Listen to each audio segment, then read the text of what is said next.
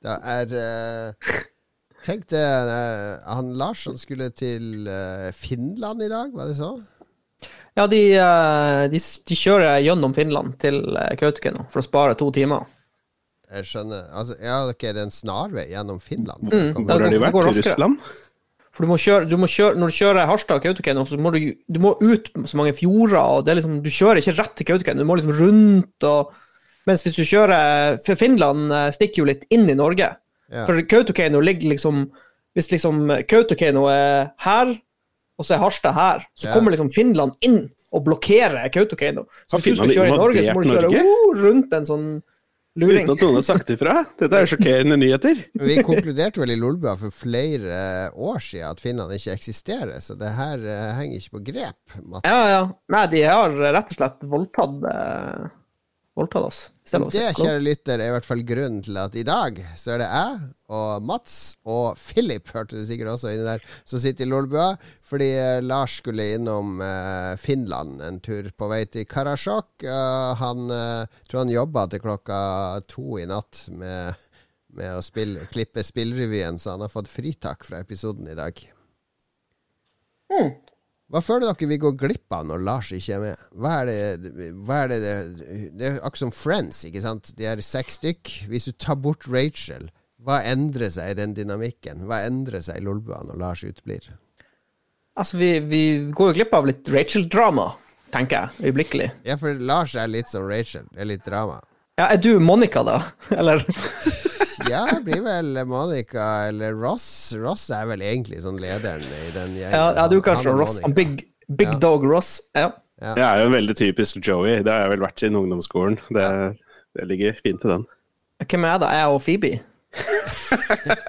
Eller så blir du han Chandler. Chandler, Chandler. Jeg kan være han Chandler. Han Chandler er kul. Det er du ja. som skal bli sammen med meg til slutt, Mats. Så dette blir oh, et, yeah. starten på et lykkelig homofilt samliv. Hells yeah.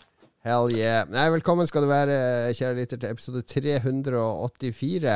Vi er to episoder fra 386, og da har vi fått oh. et forslag om at det må jo handle om MS-DOS, eller oh. noe sånne greier.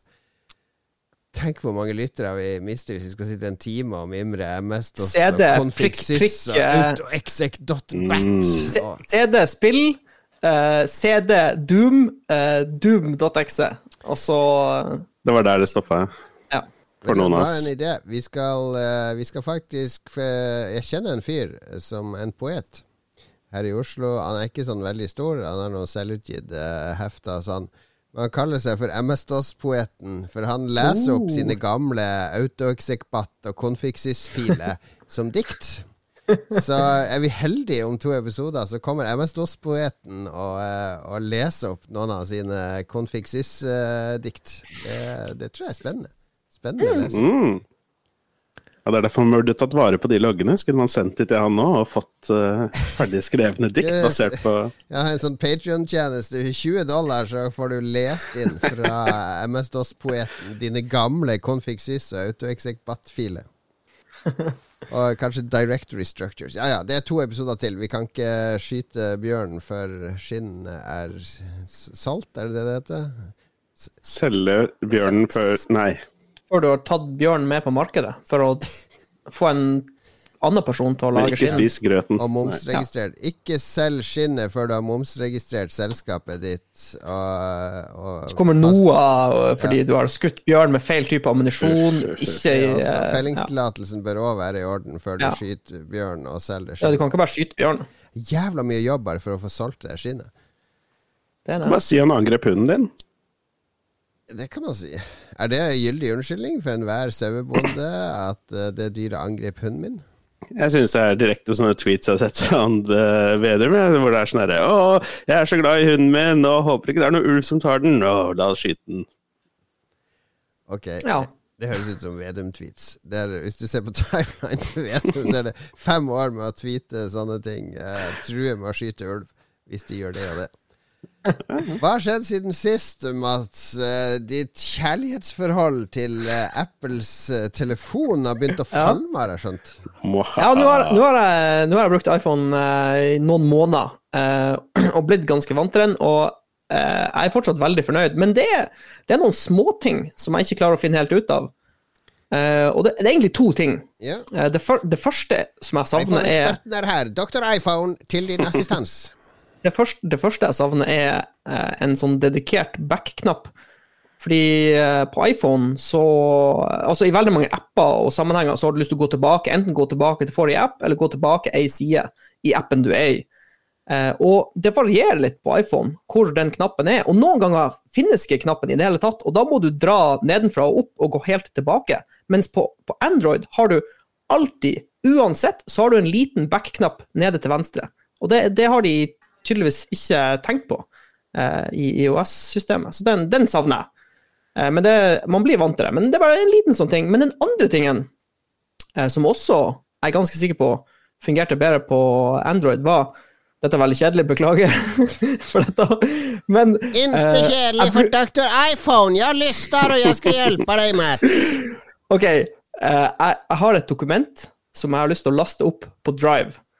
Eh, la oss si det er et PDF-dokument som jeg skanner, eller noe sånt, og så har du den der deleknappen, du har den der lille boksa, og så kommer det ei pil opp på boksen, og så trykker du på den, og så får du masse forslag. Hvordan vil du dele denne fila? Vil du sende den til noen på Messenger? Vil du sende det som e-post? Og jeg, 99 av gangene, det eneste jeg har lyst til å gjøre, er å laste den opp på Google Drive. Det jeg vil gjøre. Men Google Drive er liksom tre skjermer til høyre. Så hvorfor, hvorfor forstår Når jeg har gjort det for 19. gang og scrolla meg til sides for å trykke på Google Drive, hvorfor kan ikke IOS forstå at å, han gjør det hver gang? Kanskje vi burde flytte den til den default-skjermen? Og hvordan gjør jeg det? Hvordan får jeg, hvordan får jeg driven på default-skjermen? Doktor iPhone, please. Ja, help me. høre nå. Nu ska du lysne her, Mats, For om du putter din tømmel nederst på skjermen og dytter den opp Dytter? Skubber skubbar den opp. så kommer de at få i kronologisk rekkefølge alle appene ni har öppnat. Ja, den er grei. Da vil den app, den, du vil switche til din, den app du hadde redo, Denne du var i nå, den ligger bak den. Bare trycka og du kan kjapt switche back til foregående app. Oh, takk, Dr. iPhone. Men, men hva hvis, hva hvis uh, jeg er inne i en app, og så vil jeg gå tilbake én skjerm i appen? Ja, doktor iPhone, hva gjør man da? Det kommer an på app. Det er inga standard for det her. men jeg måste poengtere at ni kan ikke være inne i en app. Den appen er inne i telefon. Ni kan jakte uh, appen uh, på telefons screen. Uh, Ja, og sant. interagera med era tumler og pekefingrer og, og bannefinger og ringfinger og lillefinger. Det er faktisk veldig sant, Dr. Ja. iPhone. Ja, det du har helt rett. Men Mm. OK, uh, la, oss si, la oss si jeg vil uh, Jeg har ei fil her, ikke sant? Eh, Ja. jeg, har, jeg har et bilde, et sånt bilde av et ting, og så, jeg så trykker jeg på boksen, og så kommer det opp Ser du her, den skjermen her? Så må jeg liksom må jeg gå sånn, sånn Mats viser og mobilen sin Der er drive. på Du må liksom gå helt bort dit for å finne driven. Hvordan får jeg driven Scroller masse. helt til venstre, Masse ikoner. doktor? Ja, nå er det så at Steve Jobs og Apple i deres utømmelige visdom, de vet jo at våre systemer er de beste. Så du er nå ny Apple-brukere. Ikke Ah. alle Apple-systemer de er Mats. fortrolig med. Men så lenge de konstant ligger nærmest Hei, anvende disse. Det er det din telefon sier. Ja, Anvende oss. Vi vil hjelpe deg. Anvende oss. Ikke bruk Google. Ikke bruk er- Google. Det er Nei, det du men kan skjønne. Mats, Google, Drive er ikke, Google Drive er ikke så bra. Det er bedre tjenester der som iPhone hjelper deg med å bruke. Men, men, men jeg vil bare si at Snapchat er før Google Drive på den lista. Når vil jeg dele en kvittering på Snapchat over å laste den opp på, eh, på Google Drive, liksom? OK, ok, ok, her er et bra eksempel. Vet dere en app som er før Google Drive på den lista? Robotstøvsugerappen min er før Google Drive på prioriteringslista. Hvorfor er det sånn, folkens? Google Maps! Jeg kan dele kvitteringa mi med Google, Google Maps før jeg kan legge den opp i disk. Det er jo Det er Hva er det du vil dele med Google Maps i det hele tatt? Ja, eller den kinesiske robotstøvsugeren min. La meg laste opp kvitteringa til den. Ja, det er merkelig. Men, men, men bortsett fra den lille tingen der, så, så er jeg veldig fornøyd med iPhone. Den, den fungerer veldig bra. Og batteriet er sick. Det, jeg har aldri hatt så bra batteri på en telefon på lenge. Så, det der back-knapp-greiene, det høres jo egentlig helt jævlig ut. Jeg, jeg bruker jo den hele tiden. Eh, jeg trodde Ja. litt av Poenget med iPhone var liksom at alt er standardisert, sånn at du vet at alt liksom er bygd i samme struktur. Nå, av, og, av og til er det back-knappen oppe fordi appen har bestemt det. Noen ganger er den nede, noen ganger er det ikke der. Så det er litt sånn mystisk. Skal vi starte sånn Android versus iPhone-krig nå, sånn at vi får litt blest i kommentarfeltet? Dr. Iphone, jeg iPhone, vi- eh, i inte någon krig. Det finnes kun ett OS og en telefon, og det er iPhone og iOS. Ja. Poeng, takk for at de ringte, ringde Dr. iPhone, og lykke til med er telefon. Tusen takk. Tusen takk. Jeg har sett Ja, på, det var det eh, jeg har hadde. sett- Jeg har sett på Lars sin anbefaling siden sist, nemlig den, der, den usannolika mørderen, eller hva det heter på eh, svensk. Den der Netflix ja. Ol, Olo, Ola, Olaf Palme ja, Olof? Olof? filmen om Skandiamannen som eh, det virker som drepte Olof Palme. Så det er derfor min svenske serviceaksent kom på banen her. Spot on. Det eh, ligger langt fremme. Det beste jeg vet, er å komme til svensk support. Jeg, jeg har, har Husker jeg prøvde jeg tror- å kjøpe Xbox One, det fortalte jeg om her, Xbox One Series X eh, på Elkjøp sine sider når den plutselig var inne. Altså var det, var ikke mulig å bestille fordi det måtte eh, jeg, jeg, det ble, jeg kjeder meg sjøl allerede. Men da måtte jeg snakke med en svensk på support. som oh, nei. eh, Detalj, skulle detaljstyre meg. Var- Jo, men jeg har, eh, jeg har eh, Noen ganger så må jeg ringe til SAS for å få support med, i forbindelse med sånn jobbreiser, og da, da får jeg stort sett svensk, svensker som hjelper meg, men de bruker å være veldig flinke. Det, eneste negative er at det er litt lang kø for å snakke Ja. med dem. de, har jo det De der eh, XL TV, en av de morsomste sketsjene der, når Kristoffer Schou ringer til Det er noen sånne flyttebyrå og sånn og skal leie, og så er det sånn svensk dame som tar telefonen. Og så bare Å ja, du er svensk. Skal jeg prate svensk, kanskje? Jeg skulle vilja har en bil! Gøy.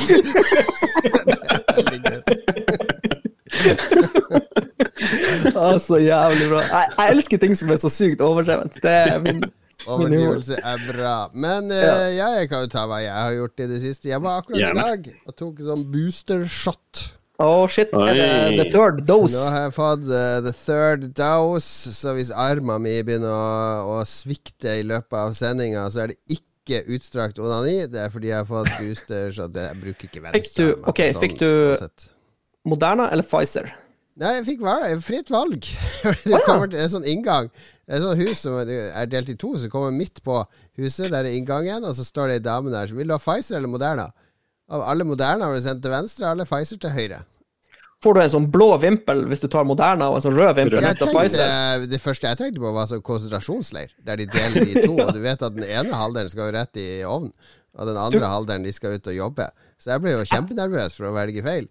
Men så, jeg vet for eksempel eh, USA, du slipper jo ikke inn hvis du har sånn blandingsgreier. det må du ha. Å, du har tatt to Pfizer og en Moderna? Nei, bare reis hjem igjen.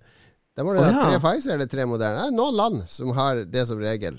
Oh, ja. så, så der holdt jeg meg til Pfizer. For jeg tenkte Det var ikke klar over. ikke Ja, for jeg har også fått eh, to Pfizer, så da må jeg jo tenke på det da hvis jeg skal dra til USA. Jeg vet ikke hvor strengt det er. Altså, det er jo bare sånn her du muntlig sier eh, spør. De har, de har jo ikke innsyn i dine helsedata.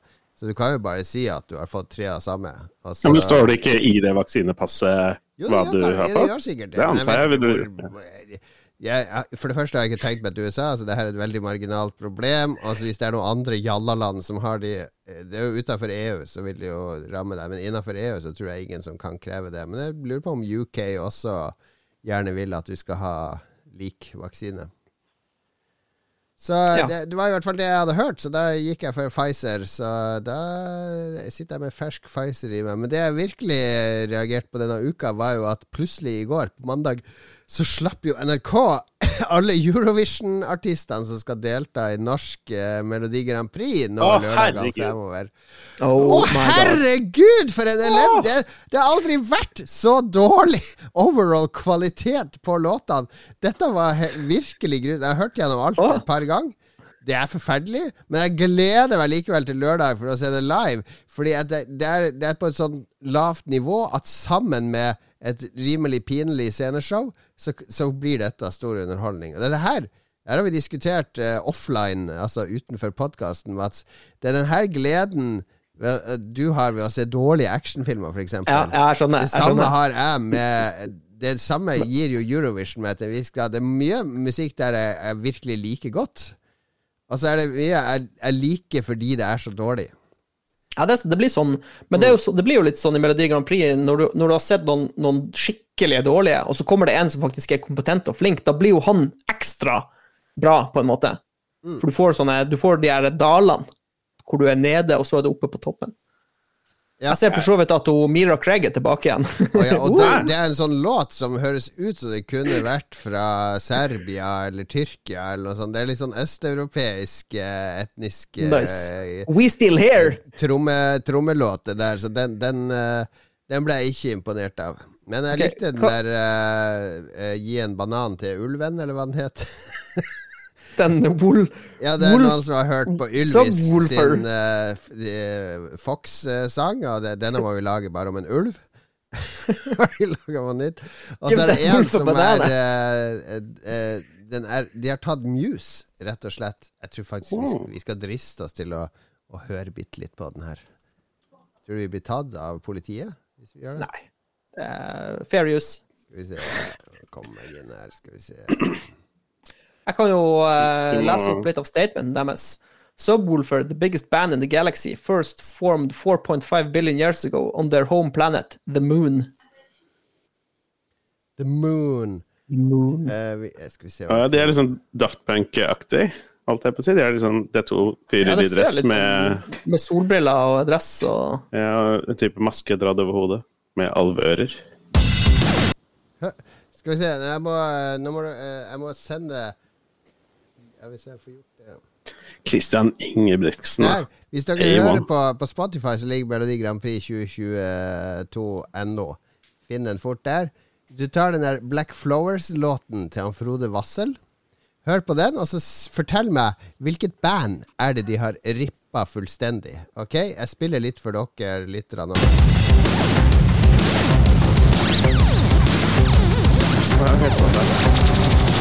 Ok, det er Black Flowers. introen. No sleep until the next step. Is this the world we wanted to be? Her, det går jo ikke an! Det er så skammelig! Altså, det, det er mange som stjeler mye i melodier. Men alt, vokalen, oppbygginga, det er riffet dynge, dynge, dynge, dynge. Ja, den, trom, den Ja, fordi, der. fordi, ja, De første sekundene tenkte jeg sånn Ja, ja, er all stadion rockmuse, liksom? Men så kom det vokalen inn, og så var det sånn Ja, ok, greit. Ja, det er muse. De har bare tatt La oss være Muse. Altså, det er så Det er så Melodi Grand Prix. Er det rart jeg elsker det? Nei, alle er Black Flower. Jeg skal stemme på dere. Nå har vi spilt musikken deres uten lov i podkasten. Unnskyld, unnskyld. Stem på Black Flower. Stem på Black Flower. vi vil ha norske Muse til finalen. Ja. Ja, Det er spennende at du er så gira på dette Melodi Grand Ja, Prix. men det, har, det vært alltid, sånn? liksom? Korona, det har bare økt. Det er jo også Han yngste sønnen min, han elsker disse greiene her. Han elsker 'Mesternes mester', han elsker 'Hver gang vi møtes', alle sånne her eh, Han er om bord. Veldig glad i musikkgreier. Så vi hadde veldig gode Vi har veldig gode lørdagskvelder med å se på det Ja, okay. ja, men det, er jo- det er artig når Det blir jo ekstra morsomt når det er noen unger som er gira. Det Da blir det- familie, ordentlig familiekveld. Ja, ja, ja. Ja, jeg hadde ikke sett på i det hele tatt. Hadde ikke hørt for at Gelaré av en eller annen grunn syns det er morsomt. For det er stort i Iran. Eurovision er stort i Iran. Ja, ja, ja. Hele verden er jo misunnelig på oss. De, de prøver jo å lage et, eh, et amerikansk eh, Eurovision Ja, stemmer nå, der hver stat skal stille med en låt. Og det skal hete Eurovision. Nei, det heter det sikkert noe derre America's greatest song con- contest! world, Ultra fuck mega. you guys! We're the best! Men det blir jo så kjedelig. Det er jo ikke noe sånn Det gøye med Eurovision er jo den der etniske bakgrunnen, ikke sant? At du har det kroatiske og det hviterussiske Jo, men og der det har jo- spanske. USA, hvor mye forskjell er det på Ok, du har litt country fra Texas. Jo, men det, det er det som er det fine med crunk USA. rap fra Florida. Det er det som er så fine med USA. Det er jo, de er jo alle innvandrere, så de kan jo best stjele. Ja, ja, tippoldefaren min var fra Kroatia, så vi bare kjører på med Kroatia-show. Hvem tror du er kjedeligst eh, stat i USA, sånn musikalsk. Kanskje Minnesota? Ja, det er noe sånn Midwest-greier. Nebraska eller noe sånt. Ja, Minnesota. ja, der tror jeg ikke det er særlig spennende. Fikk jeg lyst til å se det amerikanske. Uff. Ja, kanskje jeg må gjøre det. Ja, Philip, hva har skjedd med deg i det siste? Ja, nei, Vi var for så vidt litt inne på det når vi spilte musikk som ikke var vår på uh, episoden av nettopp, og det er jo, det er jo farlige greier. Um, på Twitch så har jo dette med å spille musikk som ikke er din, vært en greie nå i et år etter at det kom en stor utvikling der hvor uh, nå skulle man slå ned på sånne DMCA-claims. Så det som eh, Man brydde seg om det, men det veldig mange store streamere fortsatte å gjøre, det var å bare se på TV på stream. Og det er en sånn stream-meta som har vært kjempestort en stund. Det begynte med en fyr som heter eh, Trainwreck, som satt og så på Gordon Ramsay-show, bare om igjen og om igjen, og satt og kommenterte. Og det var helt greit, og det har utviklet seg selvfølgelig at masse av de største streamerne gjør det. Ja. Og plutselig nå i det siste, så har de begynt å bli banna for det. Og det har jo da ja, fått litt påfølgende drama med folk som er misfornøyde med det, osv. Men ja. Ja, det er litt spesielt. Jeg så det var Det er en sånn her eh, fyr jeg så når han spilte Hearthstone, litt sånn, han heter Disguised Toast. Jeg så han Ja. ble banna i dag, for han hadde streama masse Jeg vet ikke om det var anime eller hva, men Ja, han har streama en masse anime, og han, det som er litt spesielt med han, er at han ble banna for et, en måned, som er lenger enn de fleste andre har blitt banna enn så lenge. Pokimane, altså en veldig stor streamer, ble banna for ja, 48 timer, tror jeg, så det var liksom ikke så ille. Ja. Uh, men spørsmålet er egentlig om det er Fordi uh, Disguise House ble banna nå etter at andre de store ble banna, og det spekuleres selvfølgelig om de gjør det bare for å bli banna. Og så ha en stor comeback-stream, og så bare woo, yeah! Men er det Altså, det er jo en greie er å se folk som sitter og spiller, men nå skal man altså sitte og se på folk som ser på TV. Mm. Sånn Watch Party. Ja, men det, det, har vært sånn, det har vært sånn ganske lenge, eh, og så har det liksom bare utviklet seg til å bli mer og mer av noe det, det de store Er neste steg å se på folk som ser på folk som ser på TV, da? det er faktisk et meta allerede. Det er React-meta å reagere på andres videoer, og så Som reagerer og på og Ja, og det har en Reagerer tendens til å skje. Reagerer, reagerer på reaksjonsvideoer. Ja, ja, og det er sånn Jeg reagerer på en video av meg og Mats. Eh, nei, jeg reagerer på en video mellom dere to, og så reagerer Lars på den igjen. Og så reagerer jeg på Lars, som reagerer på videoen mellom dere to, som reagerer Egil på meg. Hegerberg har det på YouTube-kanalen sin. Han tror jeg ser det på seks videoer der han reagerer på sin forrige video. Ja, ja, nå snakker vi. Så han bare Ja. reagerer på seg sjøl, da. Han er helt opp der. Nei, det har jo vært litt eh, sutring, da, selvfølgelig. Så det det er jo noen sånn megaidioter som Hassan Abi på Twitch som uttaler at nei, dette burde jo være helt ok, det burde jo være greit å streame andre sitt innhold. Det er, jo- er jo egentlig helt ok. Så Ikke, ikke snitch, det er greit. Vi gjør det jo med spill. Vi har jo ikke rettigheter til å streame Destiny 2 når jeg streamer det på kanalen vår, men vi gjør det likevel. Så det burde være greit. Men ja, det burde jo ikke det. Ja, det er jo Det er jo eh, Jeg vet ikke. Hvor går grensa, liksom? Ja, den Grensa går jo ved at noen som eier, det, eier rettighetene til noe, har muligheten til å bestemme hvor det skal vises. Men hvis, la, oss si, la oss si en spillutvikler går ut og sier vi vil ikke at noen streamer spillet vårt på Twitch. Ja, men Nintendo gjør jo det. da. Ja, Nintendo gjør jo det. Husker du Nintendo Direct fjor sommer eller noe sånt? Nå? Så plutselig, samme dag som den skulle være Det var en stor Nintendo-greie. Så plutselig sendte de ut en pressevarsel om at ingen hadde lov til å ja, på Twitch. Og vi skulle gjøre det den kvelden, og så var det en stor snakkes, og alle de norske spillgreiene gikk sammen og nei, vi skal ikke gjøre dette her. Og vi var vel en av de eneste som gjorde det likevel, fordi fuck Nintendo. jeg, jeg, vi er såpass små på Twitch at vi kommer ikke til å bli tatt for det, med mindre Eller, eller vi, vi Noen- kunne jo kanskje gjort det, men ja, ja. Uh, ja, men Nintendo gjør det jo. De sier jo ikke stream spillene våre, og da tør ikke folk gjøre det. Så det Nei. burde jo være det er der grensa det på er måte. jo er et par andre som har gjort det òg. Jeg mener jo at det er jo du som skaper og som eier verket, som må få lov å bestemme om det skal streames eller ikke. Men det betyr ikke at man ikke kan være raus. Og har du gammelt kokkeprogram med Gordon Ramsay altså, som eh, Det er så mye penger i de syndikasjonsavtalene og sånn, sånn at det, det blir jo umulig ikke At de ikke reagerer eller slår ned på det. Det Spillgreia handler jo bare om at vi har latt det foregå. Det har blitt normen, det har blitt normen rett og slett. jeg har jo hele tida tenkt at det kommer til å strammes inn. Jeg tror også at Sony Microsoft prøvde jo å eie streaminga med miksertjenesten sin, ikke sant? Jeg tror også at Sony har lyst til at hvis, hvis folk skal streame og lage content, la de gjøre det gjennom vår infrastruktur. At de vil ha sin egen streametjeneste, og at Nintendo vil ha sin egen streametjeneste, og at Activision vil ha sin egen streametjeneste, og at EA vil ha sin egen streametjeneste. Jeg tror det, det er mer det det går på, enn eh, enn å, å la folk streame ting. Jeg tror nok de har funnet et kompromiss der allerede ved å ha Twitch integrert på PlayStation. Fordi det, det er ikke noe håp om at Sony kan lage en egen streamplattform som kan på en måte fungere alene. Hvis de skulle lage sin egen, så hadde det vært utelukkende for andre å se på PlayStation. Fordi ingen hadde logga inn på en browser og lagd en ny bruker. Og så hadde det vært eh, bla, bla, bla. 240P Ja, ja. Bare- bare se på mikser, liksom. Det var en gigantisk satsing. Masse, masse penger bak seg, og det gikk til helvete, fordi de klarte ikke liksom jeg, jeg Ja, det dette Ninja og Shroud.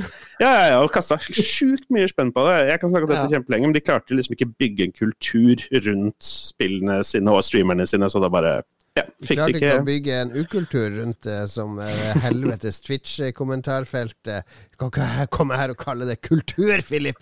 Det er dritten som scroller oppover. Det eneste stedet man spyr oppover, det er jo på Twitch, for det er bare renn spyet oppover i en konstant elv. Jeg elsker det.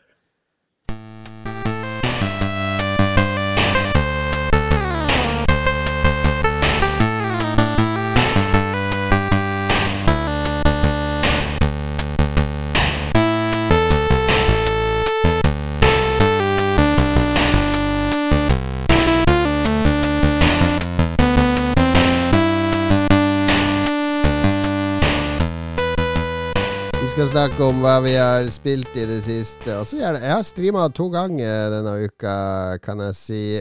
Jeg tok eh, først en litt sånn lørdags Tarkov-stream. Jeg streama jo masse Tarkov eh, før jul. Uh, streama jo flere timer med Tarkov når jeg drev og strevde meg opp mot level 15 og Flea Market. Og nå er jeg jo level 28, nesten. Uh, Holy shit. Ja, soloa hele veien. Det er ren solo-vibe for meg. Det er, eh, det er utfordrende, men det er også litt deilig. Ja, ja det blir litt annen dynamikk. Ja. Jeg kjørte en uh, liten stream der. Uh, det var gøy. Og så på kvelden uh, nå, under det, det har jo vært sånn Twitch-events på Tarkov, så på kvelden så var det sånn veldig kø for å komme inn. Altså Du Au. starter Tarkov, så er det 70, 70 000 foran deg i kø for å spille. Og da bare Ok, hva skal jeg gjøre mens jeg venter? Ja, jeg streamer et halvtimes DJ-sett. Så da bare improviserte jeg fram et DJ-sett. Og da var det inne 20 seere inne og bare mer, mer, mer. Dette var gøy, dette har vi savna. Så det, det ga litt mer smak. Yes. Det er, det er sikkert ikke lov å streame DJ-sett på Twitch lenger. Jeg er blitt så strenge på alt. Jeg tenkte jo nå risikerer jeg liv og lemmer her. Kommer Twitch-politiet på døra og spyr oppover trappa mi. Kappa, kappa, kappa! Skal holde legionene tilbake. Det er greit. Yes. Men Det var koselig- koselig med eh, litt lørdagsspice. Skal vi få Tarkov ut av vei, Mats? Vi har jo spilt Ja, jeg beklager. Jeg er, jeg er så sykt hekta, så jeg har spilt eh, masse Tarkov. Jeg har bare spilt Tarkov. Jeg har spilt én time et annet spill, og resten Tarkov. Så nå Hva var det andre spillet? 40 nå. Jeg har 321 raids siden 12. desember, så det Vi kan trygt si at det har gått mye i Tarkov. Så Ja, jeg, klarer altså- liksom, jeg klarer ikke å legge det fra meg, rett og slett. Nei, men foruten de tekniske issuene de har, for de har noen tekniske issues nå. De, har hatt, de sleit veldig under den Twitch-eventen med ustabile servere og alt sånt. Jeg Ja. tror de har det mye verre i USA enn oss. eh, alt tyder på det. Fordi det er relativt stabilt når man kommer innom. Men foruten det, så selv jeg som har vært mye kortere i Tarkov enn det, det her er- må jo være en av de beste vipene noen gang. Altså Spillet har en god balanse nå. Ja, Eh, spillet er på en veldig bra plass eh, med de nye endringene, spesielt de nye flea market-endringene som kom. Ja, det Fordi, med at de uh, nekter deg å selge alt det der eh, Det, det trippel A-utstyret. Altså det Ja, alt, alt sånn her high end militærutstyr får du ikke lov til å kjøpe eller selge på flymarked. Så folk bruker mye mer dårlig utstyr. Og det gjør Tarkov morsomt. Fordi alle, alle går rundt med litt sånn søppelutstyr, rett og slett. Ja, man det, møter mye forskjellig, og proffene òg. nå går Philip og legger seg i protest tilbake. ja, man møter mye forskjellig, så jeg vet at vi har et lytterspørsmål som leter etter et ja, nytt vi kan, sånn vi kan, eh, vi kan spill. fortsette. Vi fortsetter Ta det opp det. da. Men, eh, Ja. Men, ja. men hvor, hvor lenge varer en vipe? Eller liksom, eller, Seks mellom måneder, to cirka. til, til seks måneder. Ok, Ja, det er såpass, ja. Mm. Det er bare liksom det å Eh. holde motivasjonen oppe til å spille når du vet at alt blir borte om Nei, men ikke det så er det som er morsomt, fordi du, du går lei, ikke sant? Du, for du, du har den derre uh, fresh wipe-feelingen, hvor du liksom, du starter med ingenting. altså Yes, nå skal vi bygge oss opp, og så koser du deg, og så er det sånn early questing. Uh, og så begynner du å få uh, hideouten din oppgradert, du begynner å få økonomi, du begynner å få veldig bra utstyr. Og så blir det sånn til at du, du tar vare på masse dritt du aldri kommer til å bruke.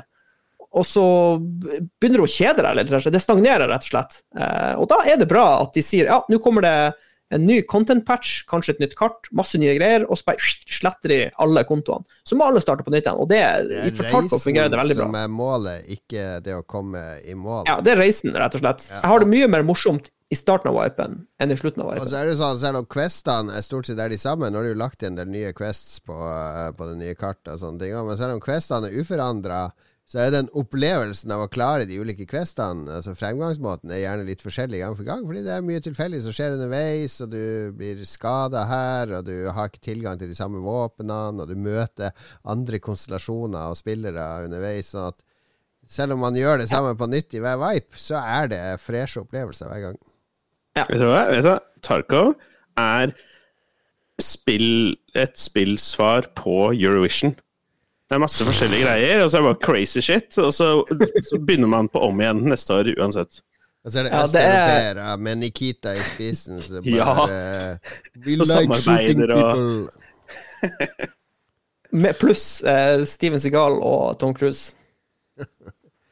Veldig bra. Jeg har spilt noe annet enn Tarkov, faktisk. Ja, oss. vi kommer inn om det her på nyttårsforsettet. Men jeg har spilt et uh, indiespill som heter Critters for Sale. Eh, og det er et såkalt uh, one-bit-spill. Eh, det er en, en betegnelse kanskje i, i indiespillene spesielt. Eh, det betyr at det eh, Jeg har vel bare er svart-hvitt, basically. Pikselgrafikk. Eh, og det er laga noe som heter Sonoshi. Jeg kunne ikke noe om det på forhånd. Men jeg har noen folk jeg følger på Twitter, det har jeg sagt før, og når de anbefaler spill, så blir jeg veldig nysgjerrig. Så det er en marokkansk utvikler, Sonoshi, som har laga et horrorspill eh, som heter Critters for Sale. Og det er basically fem forskjellige sånne stories i det. Vel, det er fem dyr. Snake og monkey osv. Og, så og noen av de har forskjellige endings. Alt det er liksom bundet sammen i en sånn historie om en eller annen kosmisk eh, horror. Eh, det er ofringsritualer, og det er andre ting. Eh, det er det vi på godt norsk vil kalle et, eh, et vandrespill. Det er mitt gode norske ord på walking simulator. Det er noen puzzles og sånne ting òg, så det er mer pek og klikk. Bare du går til forskjellige locations, av og til snakker med folk, får en puzzle osv. Og, så og så er det forskjellige endings ofte på de fem ulike narrativene. Og det er, det er veldig surrealistisk og psykedelisk. Det, det, for eksempel i, i New York-kapitlet Snake, så er det, ringer Michael Jackson der fra en nattklubb. Det er i 2033 i New York. Og ber deg komme. Du er en uh, serbisk taxisjåfør. Så du drar ned på den klubben, og der er Michael Jackson. Og han danser. og Det er, det er sånne scener der de har tatt film og så gjort det om til sånn enbitsgrafikk. Og Michael Jackson danser, og en dude blir skutt, og eh, universet kollapser, og gratulerer, du fant ending to av fire. Ok? Altså er det Det som holder meg inne i det spillet, det er, det, det er veldig sånn god uh, Kutulu Altså sånn foruroligende atmosfære. Kombinert med det visuelle og kjempebra musikk, lydbilde. Så, så det er veldig lett å spille, for det er egentlig bare å trykke på space, og så peke og klikke på enkelte ting her og der. Det er ikke noen sånne reaksjoner og sånne ting. Men det, det har Kanskje er det det at det er noen folk fra Marokko som har laga det, fordi det føles som en annerledes stemme. Eh, Det er en annerledes måte å fortelle ting på. Det er en annerledes take på, på tradisjonell horror. Eh, og så er det det at det er såpass kunstnerisk og surrealistisk. Og det er, det er en epilepsivarning der av en grunn, for det er en del sånn der Ja, jeg ser det er litt sånn blinkende, og- blinkende lys og og bilder som morfer og ja. Nei, det Jeg likte det veldig godt. Eh, kommer til å spille gjennom det. Det er jo ikke er jo ikke verdens lengste spill, virker det som. Men uh, unik atmosfæreopplevelse. Critters for sale, altså. Ja, jeg ser det inspirert av eh, Midt Midtøsten og Nord-Afrika, så jeg tror ikke du er så langt off med Marokko-teorien Inspirasjon. din. Ja, det kommer jo mye spennende ut fra den marokkanske spillscenen. Jeg er bitte litt skuffa at det ikke har noe med 80-tallsfilmserien Critters å gjøre. Den her sci-fi, comedy-horror Jesus. Hadde du spilt et krytterspill hvis det hadde kommet Based on the cult 80s horror movie! Du kunne lagd et dritkult spill basert på Critters-filmserien. Det kan jeg love deg. Crossover mellom Critters og Lemmings. Hæ? Ja. ja Money in the bank! Money in the bank! Med liksom Borat. Borat-stemme som kommer inn. Ja, det var Borat, eh, Borat Critters og Lemmings. Der har du Ja, der har du en saftig Bring the critters home! Money in the bank! Ja, Philip, hva du har spilt? Jeg har kasta kastet meg over en del greier her. Jeg var mest overraska over at Ubisoft har et studio i Marokko som lagde Prince of Persia og Rabbids Go Home og Rayman Origins og sånn. Sa du? Ja. Brad, Brad Pitt go home? Rabbids Go Home. Rabbids, Jeg hørte Brad Pitts. Det spillet hadde jeg også testa. Jeg har eh, slengt meg på litt å spille litt PlayStation 5 igjen, for det har jeg gjort litt lite i det siste. Um, så jeg tenkte først jeg skulle spille Witcher Er det 3. sånn at du føler Det er ikke sånn du har flere koner? Altså, Jeg har ligget litt lite med henne i det siste, så nå fortjener hun litt oppmerksomhet. Får du litt dårlig samvittighet overfor konsollene hvis de samler støv? Ja, ja, jeg gjør det. Ja. Uh, og, og så er det noe med konteksten, for det at jeg sitter i stua og spiller, er noe annet enn at jeg sitter på PC-en og spiller, Ja. uh, som får samboerskap og sånn. Du er litt mer tilgjengelig. Jeg er det. Eh, Og så er det litt gøy for henne, liker jeg å se på det jeg spiller, hvis det er litt ålreit spill. ikke. Jeg, så, jeg har sittet og spilt New Super Mario Bros. U i stua med kona mi som strikker.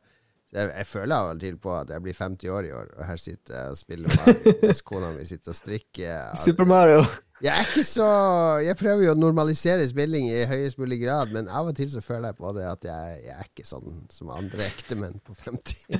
Nei, det må være lov. Jeg, det er kanskje litt verre for meg. Jeg kjenner mest på det når hun gjør husarbeid og jeg sitter og spiller. Da hadde det er litt verre. trykket du på pause, og så hjelper det til. Må du støvsuge nå?! Ja, ja, jeg hører ikke en cutscene, OK? Og så sitter sånn demonstrativt helt inn ved TV-en med, med øret mot høyttaleren. Wow. Uh, jeg hadde egentlig mest lyst til å spille The Witcher 3 igjen. Ja. Fordi det spillet er det er eh, decade, The Game of the Decade 2010 til 2020.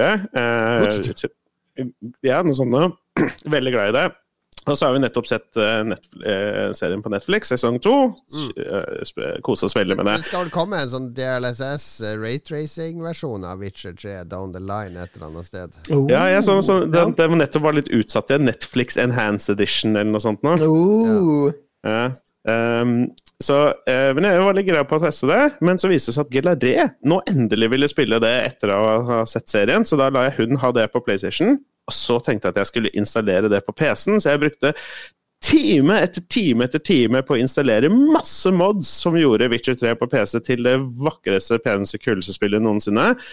Og så formaterte jeg harddisken min, tok vare på alle modsene, men tok ikke vare på alle filene i Documents, så nå må jeg begynne helt på nytt igjen, og det tror jeg ikke jeg gidder. Jeg tror jeg venter på den der eh, Enhanced Edition isteden. Ja. Men jeg fikk spilt litt på PlayStation 5 likevel. Jeg lånte Miles Morales, det Spiderman-utvidelsen, eh, som kom eh, når PlayStation 5 ble sluppet. som... Den latino-Spiderman, rett og slett. Han Ja, han er halvt, eh, halvt eh, afroamerikansk, halvt latino, Ja. uh, tror jeg. Og uh, Det som vi kaller for en twofer. Jeg gjør vi det? Er dette, er dette noe Ku Klux Klan-begrep, eller er det innafor? Ja, det er en eh, 30 Rock-referanse. Ah, det, er lenge, det er du- for lenge siden jeg har hvis, du, hvis du klarer å treffe to minoriteter med én person, så har du to igjen. Det er en twofer. twofer, ja, ok. Den kjøper jeg. Um, det var jo en utvidelse holdt jeg på å si, av dette Spiderman-spillet som kom på PlayStation 4 først. Og var noe jeg snakka om i denne podkasten for en stund siden og sa at jeg likte litt og sånn. Og Jon Cato sa er det kjipeste, kjedeligste spillet noensinne. Og Flint Supermann. Og, eh, nei, om det originale Ja, Spiderman-spillet. ja, det, var, greit. det er grusomt. Ja, ja, det var helt, helt grusomt, eh, husker jeg. Og, eh, og så var jeg sånn, ja, ok, jeg koste meg med det og sånn, da. Så fyrer jeg opp Miles Morales, og jeg har spilt eh, det en del timer nå, og det er gøy å liksom slenge seg rundt og være Spiderman og sånn, men det er for det første ikke så veldig mye mer enn det originale Spiderman. Det er Gelaré så det og sa dette er jo akkurat det samme spillet, bare at han fyren er litt mindre. Uh, og det, det, er, det er mye akkurat det samme. Det er ikke så mye mer spennende mekanikker eller noe sånt nå.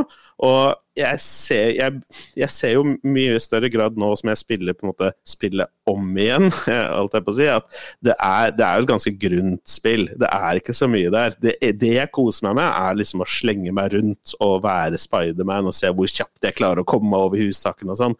Men ja. Floaty combat. Ja, ja det er Når kommer det første PS5-spillet som ikke kommer på PS4, som er liksom true, true next gen PS5? Er, er det noen som vet hva, hvordan spill det blir? Ja, Returnal var ja, det var ja, ja, Returnal, ja. ja. Godt poeng. Ja. Teknisk sett Darks Nei, teknisk sett ikke Dark Souls, I guess. Men Demon Souls. Ja, Demon Souls, ja. Demon Souls og Returnal. Ja, og Ratchet Clank ja, også. Det var kun der. Ja. Uh, men jeg tror jeg, jeg, jeg, Det var lest han Dean Takahashi, mangeårig journalist på tech og spill, og også skrev bøker om Xbox og, og sånne ting. Han kommer med sånne spådommer i spillbransjen hvert år. Eh, og Det som er artig med han, er at han gjør altså en recap av spådommene sine før han kommer med nye, altså fjorårets spådommer. Og han er ganske god til å treffe. Han er ganske tett på industrien. Og han spår vel at uh, PlayStation 5 Altså, vi har jo ikke sett hvordan et, uh, et ekte PlayStation 5-spill mm. skal se ut ennå. Vi har sett liksom mm. første Det som folk har klart å skrape sammen til lansering, men han tror i, i år, i høst, så vil vi få se de spillene som virkelig der du ser skillet mellom PlayStation 4 og PlayStation 5, og der du skjønner at nå er det et steg videre. Ja, Det er jo merkbart når Mats på en måte etterspør det, at vi har ikke sett det, det hoppet enda. Jeg, jeg er helt enig i det, og spesielt nå som jeg spilte dette Spiderman-spillet. Og det er ikke en spesielt stor oppgradering fra det PlayStation 4-versjonen. Og det, det som sagt var jo en lanseringstittel og kasta sammen. Ja. Den oppvåkninga kommer til høsten. Ja, nei, jeg så noe Det der eh, nye Horizon-spillet, Forbidden West, så veldig bra ut. Men jeg ser at det kommer også på PS4, så da tror jeg liksom de holder Hold litt igjen. holdt litt tilbake. Jeg, jeg, mm. det. Men det som kommer til høsten, som kommer til å bli å si Dette er PS5! Det er nemlig Det kommer helt sikkert Jeg spår det her nå. Escape from Tarco på PlayStation 5! No!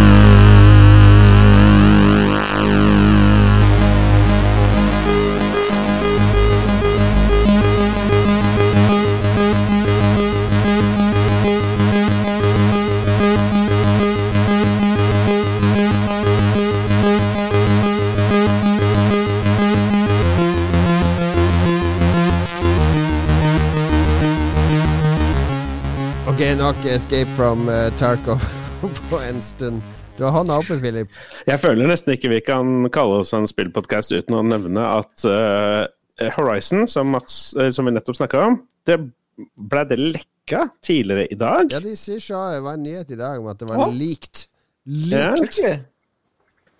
Uh, på Downloading as we speak! Nei, nei, vi gjør ikke sånn. Jeg gjør ikke sånn. Full game could be spoiled, says report.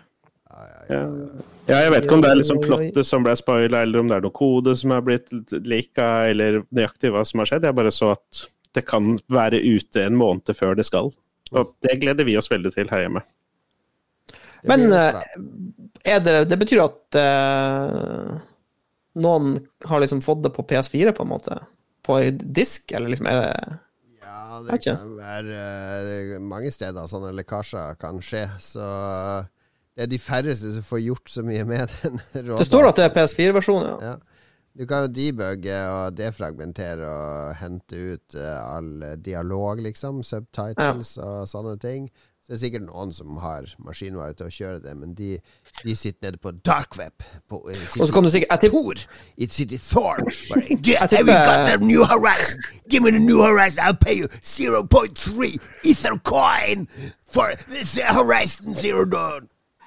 Og så er det sikkert Jeg tipper det, det, det er noen PS4 som har stått på sånne her forskningsstasjoner som, som er versjon 1.0, som aldri har blitt oppgradert, som aldri har vært på nettet. Og hvis du får tak i en sånn diskversjon av et nytt spill, så tipper jeg du kan kjøre det på de, for de forstår ikke at du må aktivere det på nettet, eller Ja, jeg et eller tror det er sånn en sånn greie med å ta vare på å kjøpe en konsoll på launchdag, og så aldri Jeg koble på aldri nettet. oppdatere den. Fordi den har masse sikkerhetshull. Eh, Ja, ja. PS3 og de hadde jo det. Så hvis du hadde en sånn eh, Virgin-konsoll fra før en eller annen oppdatering, så var det sånn her sikkerhetshull så du kunne spille piratkopier. Ja. Bare en kjapp melding til alle publiserte denne det der ute om at vi i Lolbua Inc. aldri ville gjort noe sånt. Vi er til å stole på. Det er bare til å sende oss spill som vi skal spille. Det går Vi fint. hadde aldri, vi hadde aldri lekka. Forbidden West. Eller så laster vi de ned, hvis dere ikke sender de! Nei da, vi gjør ikke det. Vi gjør ikke det. Herregud, vi har holdt på så mange år. har holdt på Jeg må ha bygd opp en viss tillit her i bransjen. Og tillit, det skal lytterne få til oss nå, for nå kommer nyttårsforsetter som vi faen meg skal gjennomføre. Ikke noe skrive bok nå, Mats. Det vet vi. Det var ren løgn fra deg og Lars. Ja, jeg beklager. Jeg Bare lite av dere et eller annet. 'Jeg skal skrive bok. Jeg skal gå ned 50 kilo. Ja, det er så Ja, det var- det var- utrolig teit forsett å ha. Det bare- her det bare Skrive en bok! Her er det bare å legge seg flat. Jeg har, har ingen unnskyldninger. Vi, vi gikk Vi, vi sikta for høyt, vi sikta på stjernen, og vi klarte ikke engang å fylle drivstoff på raketten. Så jeg beklager, jeg beklager til alle som venter på boka vår. Eh, vi, vi skal skjerpe oss, og vi skal ikke sikte for høyt. Nei, men hva skal du sikte på å gjøre, da? La oss ta dine forsetter først, Ja, da, Mats. vi- Hva, er det for noe nyttårsforsett? Vi har snakka om det, og jeg, dette har jeg snakka med Lars om. Vi, vi skal som et absolutt minimum skrive ett kapittel i boka. Det er liksom det er absolutt minimum. Men, men altså, det er viktig å være litt realistisk, og det skal vi realistisk sett få til. Og så kan vi heller overlevere, på en måte. Vi lover, vi lover lite, og så kan vi heller levere mer enn det vi lover. Jeg synes syns det er ganske ambisiøst. Altså, dere kunne jo gjort det enda mindre. Finne på navn på hovedpersonen, f.eks. Nei da, nei da det, det, skal vi, det skal vi få til. Men jeg har noen andre nyttårsforsett også. Ja. Men, kan, men kan, kan du nå garantere at våre patrons kommer til å få et utkast Ja, av les et utdrag fra det kapitlet? kapitlet. Ja, et utdrag fra kapitlet før året er omme? Det lover du. vi må gi kjærlighet til våre patrions. Selvfølgelig skal de få det. Ok, da har vi det. Ja. Eh, men eh, jeg har litt andre ting, generelle ting. Eh, jeg, har lyst til å dra på en konsert Ja. i 2022, og da teller ikke sånne julekonserter og sånne eh, se noen unger synge og sånn. Det er en faktisk musikkonsert med må være noe du nyter, er det det du sier? Ja, ja. Ikke noe du går på av plikt? ja jeg har, har et, et bitte lite håp om Tons of Rock eh, i, eh, i mai, eller ja, Juni jeg husker er jeg, vel eh, Ja, jeg har jo billett til det, så jeg håper jo Jeg, har billett, jeg, hadde, hadde billett i 2020. Den ble flytta til 2021. 2021 ble flytta til 2022, så nå håper jeg, fingers crossed, eh, Tons of Rock. Jeg har billett til både den og Øyafestivalen i år. Ja. Da blir det Eh, vel med vaksinepass, hvis det blir noe. Ja, Så skal jeg prøve å eh, ikke få rabies. Det er faktisk et av mine sterkeste nyttårsforsetter. Fordi jeg leste sånn hva her kommer det av? Nei, fordi eh, det var noen som Det er sånne ting som dukker opp på Reddit. Det er sånn eh, gammel kommentartråd om hvordan du kan få rabies. Og det, som, det som er skummelt med rabies, det er ikke veldig realistisk for oss i Norge, men jeg skal prøve å unngå det uansett, det er at du kan få Altså, du kan, du kan bli bitt av et La oss si du, eh, du går du, du er på campingtur i Nord-Amerika, Ja. og så ligger du i hengekøy og chiller, og kanskje, kanskje du sovner en time. ja. Og så kommer det ei lita brun flaggermus som veier seks gram, og, og, og, og, er i rabiesfasen av viruset, og krafser deg litt på leggen. Du, du ligger og sover, den er så lita, du merker det ikke, men den krafser nok til å få uh, viruset innenfor uh, huden din. ja. Uh, og du merker ingenting. Viruset går eh, til nervesystemet og begynner å spre seg. Du merker ingenting. Det går flere uker, du merker kanskje ingenting. Og du begynner å få vondt i ryggen og i nakken. Det er for seint. Når du har de symptomene, så er du død. Du er dead man walking. Det er ingenting du kan gjøre. Du er fucked. Du er turbodød. Og det er Kan man rabiesviruset. Ta er rabiesvaksine, eller sånn pre, proaktivt? jo, men det må, du må ta det før det har spredd seg over hele ryggraden din. Liksom. Det, det er for seint når du begynner å få symptomer. Da er du bokstavelig talt død. Men er det ikke noen vaksine du kan ta før du kan dra på telttur ute i Ja. marka? Jo da, det kan du gjøre. Du får jo masse Ja, så- shots når du skal til Thailand. Kan du ikke få en Ja. sånn shot før du skal på telttur i Nord-Amerika? Så er nyttårsforsettet sånn- ditt er er å ta jeg sier det jo som en spøk, men, men sånn, en, en av de få virusene som virkelig skremmer meg, er rabiesviruset. Det er helt absurd skummelt. Korona, fuck you, motherfucker! Rabies Oh my god! Shut it down! Ja, the fuck jo, altså jeg tar, jeg tar korona hver dag i uka før jeg sniffer på rabiesviruset. Det er. Såpass, ja. Ja. Nei, jeg er genuint redd eh, rabies. Men du skal unngå å få det. Jeg Vil det være i situasjoner Hvis jeg inviterer deg på telttur i Nordmarka, da sier du nei? Fordi det kan Ja, men Nyttårsforsettet Ja, ditt må da jo bare være å ta av. Hvilke krabater er det som finnes i Nordmarka? Er det, er det noe kan, er ja, det er Hvis det er 0,001 sjanse for å bli bitt av en flaggermus, er det nok til at du unngår den situasjonen. ja, men Kanskje jeg tar med revolveren min, så kan jeg bare skyte alle Skyter flaggermusene jeg flaggermus på seks gram som flagrer rundt. Jo, tenk, jo Da den er jo mindre enn prosjektilet. Han er sportsskytter, Jon Cato. Da kommer Rune jeg. Une Bastholm og MDG, MDG og bare Oh my god, han har skutt en uskyldig flaggermus! Neida. Jeg, altså, jeg, tror ikke, jeg tror ikke du er så eksponert for rabiesviruset i Norge. Det, det må vi få eh, noen eksperter til å snakke om. Men uh, hvis jeg drar til utlandet, så kommer jeg oppriktig til å være eh, påpasselig. Jeg kommer ikke til å legge meg og sove en halvtime ute i hengekøy i Ja, men, skogen. her, kan ikke bare nyttårsforsettet ditt være å ta uh, rabiesvaksine? Ja, men, Sånn at du slipper å være redd for det? Kan, ja, men kan du bare gå og ta dem? Nei, jeg vet Ja, ikke om det er vaksine. Det er vel en sånn der shot du må ta. eh, Ja, jeg tror ikke du bare kan shot, eller hva det trappe opp på en plass og kreve å få den. Men du, Nei. i midlene hadde de sånn der full jernrustning. Du kan jo ha på det når du ligger i hengekøya, for da klarer ikke den å bite deg Ja. i leggen. Ja, eh, kanskje en dykkerdrakt. sånn old school. Nei, men det var bra, bra forsett. Du har uh, det, var, det var det du hadde. Det var det jeg hadde. Unngå rabies Eller er- og er virus. også Dra på Unngå virus, unngå virus generelt. Unngå rabies. Ikke få rabies. Dra på en konsert. Skriv et kapittel i boka. Det er min eh, Dilemma. Influensavirus i kroppen ligger utslått to uker. Datavirus på datamaskin. Um, ja, det var et godt dilemma. Eh, Kan jeg bare formatere PC-en min og for å ta viruset? Da, Det det jeg ville datavirus gjort. sånn der uh, We have all your information. Pay five million euros in uh, bitcoin. Da tar jeg Da- da, influensa. da, da formaterer jeg, og så mister jeg all dataen min. Det er ikke noe big deal. Jeg har ikke noe verdifullt. jeg No, sir, your data very valuable. You need to pay. Do not delete. Ah! Jeg jeg, har masse, jeg har masse morsomme memes som forsvinner, men det, det klarer vi å leve uten. Så datavirus. All right. Bra. Uh, Philip, skal du ta dine farsetter?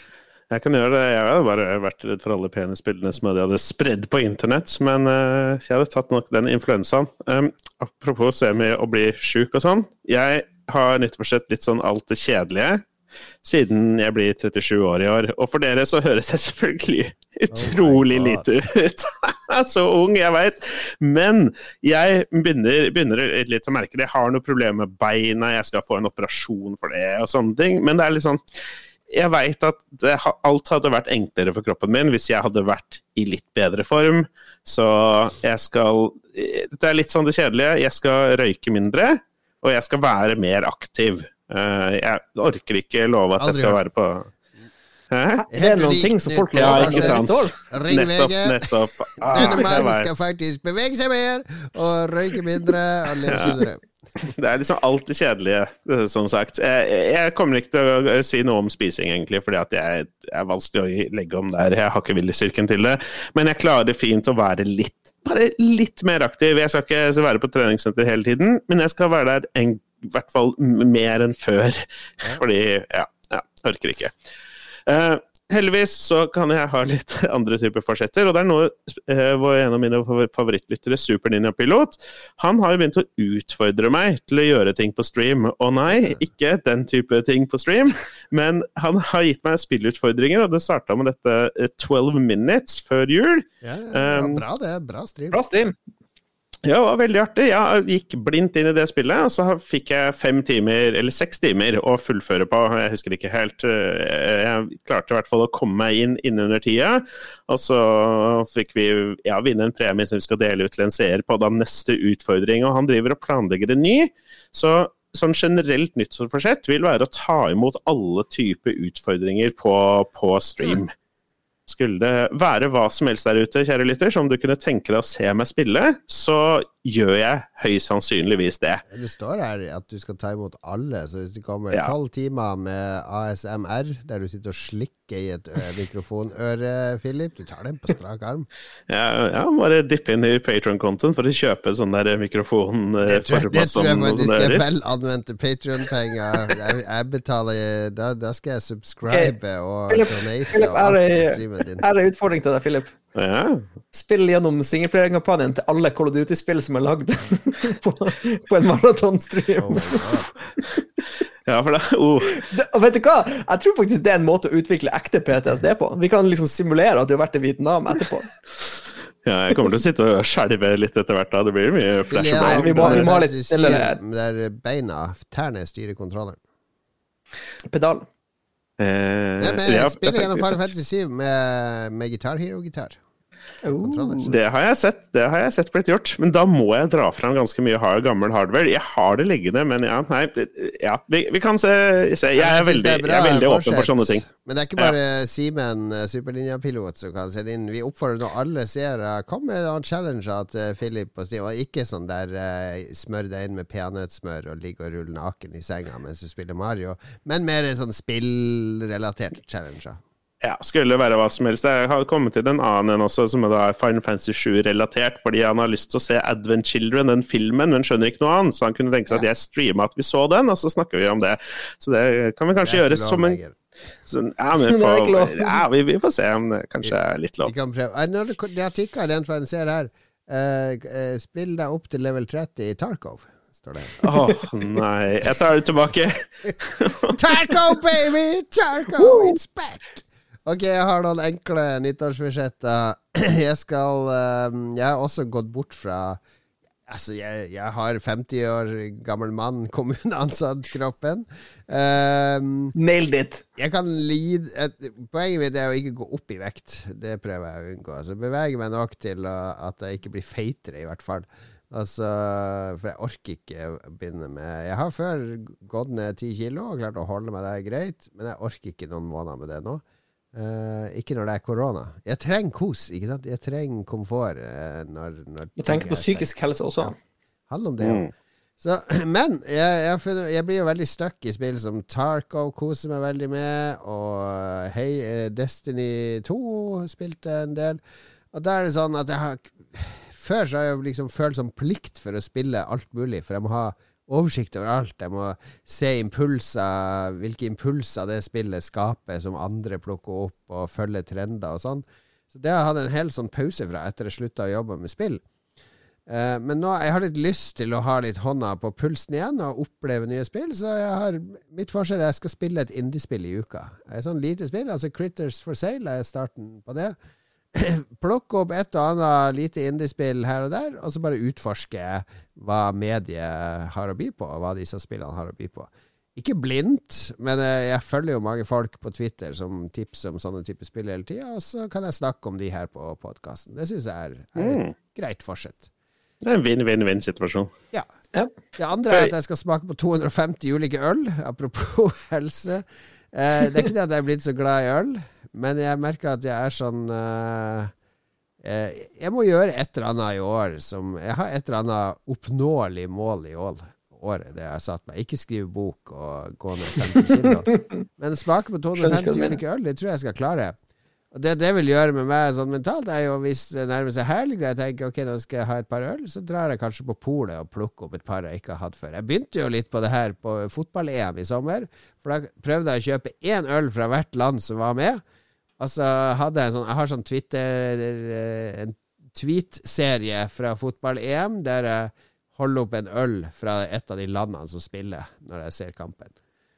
Så jeg prøver skal prøve på det. Jeg bare utvider mitt øh, ølrepertoar.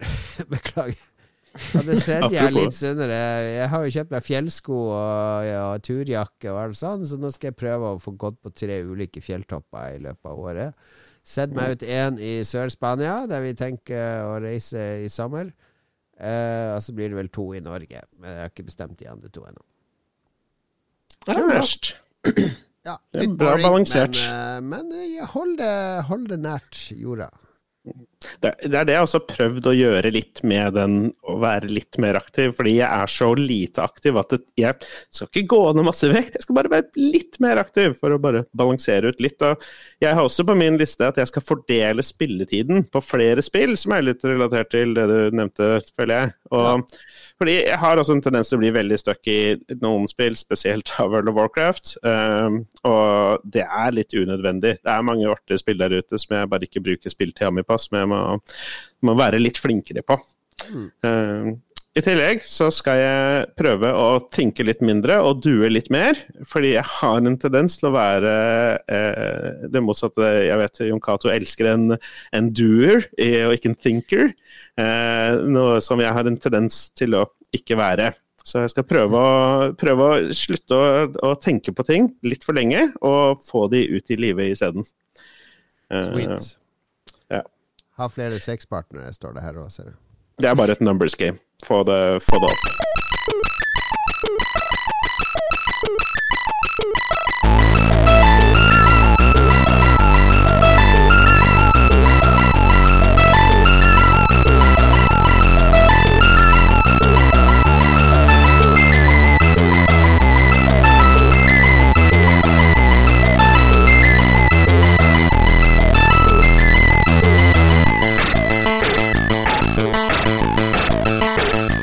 The Last We Ate uh, der av uh, Rob Hubbard. Et lite spill fra Mastertronic som i sin tid kosta 2 pund og 99 uh, pence, er det ikke det det heter i England? Jo. Det tror jeg ingenting på. De hadde to billigserier av Mastertronic. Det var Mastertronic Ja, ja. som kosta 1 pund 99 for et spill på kassett. Og så var det Mastertronic uh, Advance et eller annet MAD, var forkortelsen. De kosta 2 pund 99. Faen, jeg husker, Det må være noe skjedd noe da, for jeg husker når Amiga-spillene kom, og du skulle kjøpe originale Amiga-spill, de var jo svindyr. Ja, Commodore 64-spill, uh, fullprisspill, de lå på mellom 160 og 180 kroner eh, på kassett. Okay. da var jo det rimelig. Ja, de lå under 200 alle sammen. Jeg husker jeg brukte Jeg fikk jo 200 kroner i månedspenger, eller 50 kroner i ukeslønn. Jeg måtte bruke en måned på å kjøpe et helt eh, Et sånn stort, nytt trippel A-spill på Commodore 64. Ja. Jeg husker jo, det var ei tante som kjøpte meg Ghostbusters 1, jeg tror det var Ghostbusters 2 til Amiga, Ja. eh, originalt. Ja, og det kom, lå de på 400-500. ja, det var sånn, Jeg tror det var sånn nesten 500 kroner for Ja. det spillet. Og dette var var helt vanlig der, så det var ikke rart det ble mye piratkopiering der. Og det var så mye lettere å piratkopiere enn Commodore 64 òg. Da måtte du ha dobbel kassettspiller, og det ja, det var, det var tider. Men det er ikke det det handler om her nå. Eh, nå skal det faktisk handle om januarspillene. Vi har jo gjort det til en vane. Hver måned så går vi gjennom spillene som kommer, og um, allerede i Vent litt. Ja. Vent litt, Hva? er den lyden der? Å, det er lyden av januarspillene. Uh -huh. ho-ho. Ei ugle i mørket. Det det. Det er ingenting. Det er tomt. Januar. Det kommer ingen spill i januar. Det er en ganske skrall spillmåned, det skal vi innrømme. Jeg lurer på hvorfor. Altså, folk suger jo. Folk trenger jo, har jo lyst på nye spill. Men så med en gang det kommer til februar, så er det bare boom, boom, boom! Da lander de på rekke og rad. Da åpnes uh, floportene. Ja, ja, Jeg skjø- der, skjønner at mange har blåst kruttet før jul, på en måte, i oppløpet til julesalget, men Jeg vet eh, at uh, januar er sånn death slot for filmer, så kanskje det blir det samme for spill òg. At liksom det, det her spillene kommer for å dø. Det er januar-release-vinduet. Tydeligvis. tydeligvis. ja, nå er jeg spent på å gå gjennom lista. Vi må jo gå gjennom lista. Vi begynner allerede i dag, eh, den dagen podkasten kommer ut, 12. januar. Da kommer noe som jeg, jeg, har, jeg har min, eh, min finger har uh, hoverert, det heter ikke det, men den har svevd farlig nær kjøpknappen på Steam, fordi da kommer Monster Hunter Rise. Uh, Oh, altså shit. Nintendo Switch Monster Hunter-spillet som kom i fjor, var det vel? Et år Jeg tror det var i fjor, ja. Ok. På Switch. Det kommer i PC-utgave, fordi Så dette, ja. dette har ingenting med Monster Hunter World å gjøre. Dette er et sånt Det er to ulike team som lager Monster Hunter-spill. Og de ene lager de dedikerte som har vært til PSP og nå Switch. DS også. Ja. Og det andre har laga de litt sånn større konsollgreiene. Så det andre teamet, de som lager Monster Hunter World, de bruker Unreal Engine. Og Ah. Monster Hunter World ble jo veldig sånn visuelt eh, steg opp for Monster Hunter-serien. Men det er en del, eh, hvis du er sånn Monster Hunter-purist, som jeg, jeg påberoper meg å være det. Jeg er egentlig ikke det. Jeg har ikke spilt det nok til å være det. Men det er egentlig Det er litt sånn kronglete Monster Hunter World. Den eh, grafikken av verden og detaljnivået kommer på en måte i veien for den rene opplevelsen. Det er litt kronglete kart å navigere i og sånne ting. Så eh, Monster Hunter Rise var et Switch Only-spill som kom i fjor. Og det er en veldig sånn reindyrka strømlinjeforma på mange måter. Det gjør veldig veldig alt riktig. Masse ting det gjør eh, forbedre fra Monster Hunter World. Og var et fantastisk Switch-spill. Jeg prata en del om det da det kom på Switch. Jeg har jo Collectors Edition med Amibo, spesial-Amibo og alt mulig. Spilte det en god del på Switch. Men når jeg nå har sett litt på trailerne på PC, og det er uncapped framerate, det er ultrawide support De har Oh, gjort en del grep. Men det er nok de som forventer at det er Monster of the World med enda bedre grafikk, det er et steg tilbake, sånn rent detaljnivåen i grafikken, hvis du ser på gress og foliage og, og environments og sånn. Men det er et steg fram gameplay-messig. Sånn at uh, jeg, jeg har veldig lyst til å spille det på PC, bare for å nyte det i power, all kraft unleashed. For det kjøres silkesmooth på, på Switchen og alt sånt. Det er ikke noe problem å spille det der. Men det hadde, det hadde vært enda fetere å spille det på PC. Dette er jeg ganske spent på, merker jeg. Fordi Monster eh, Jeg ble, ble litt skuffa når det ikke var Monster Hunter World med enda bedre grafikk.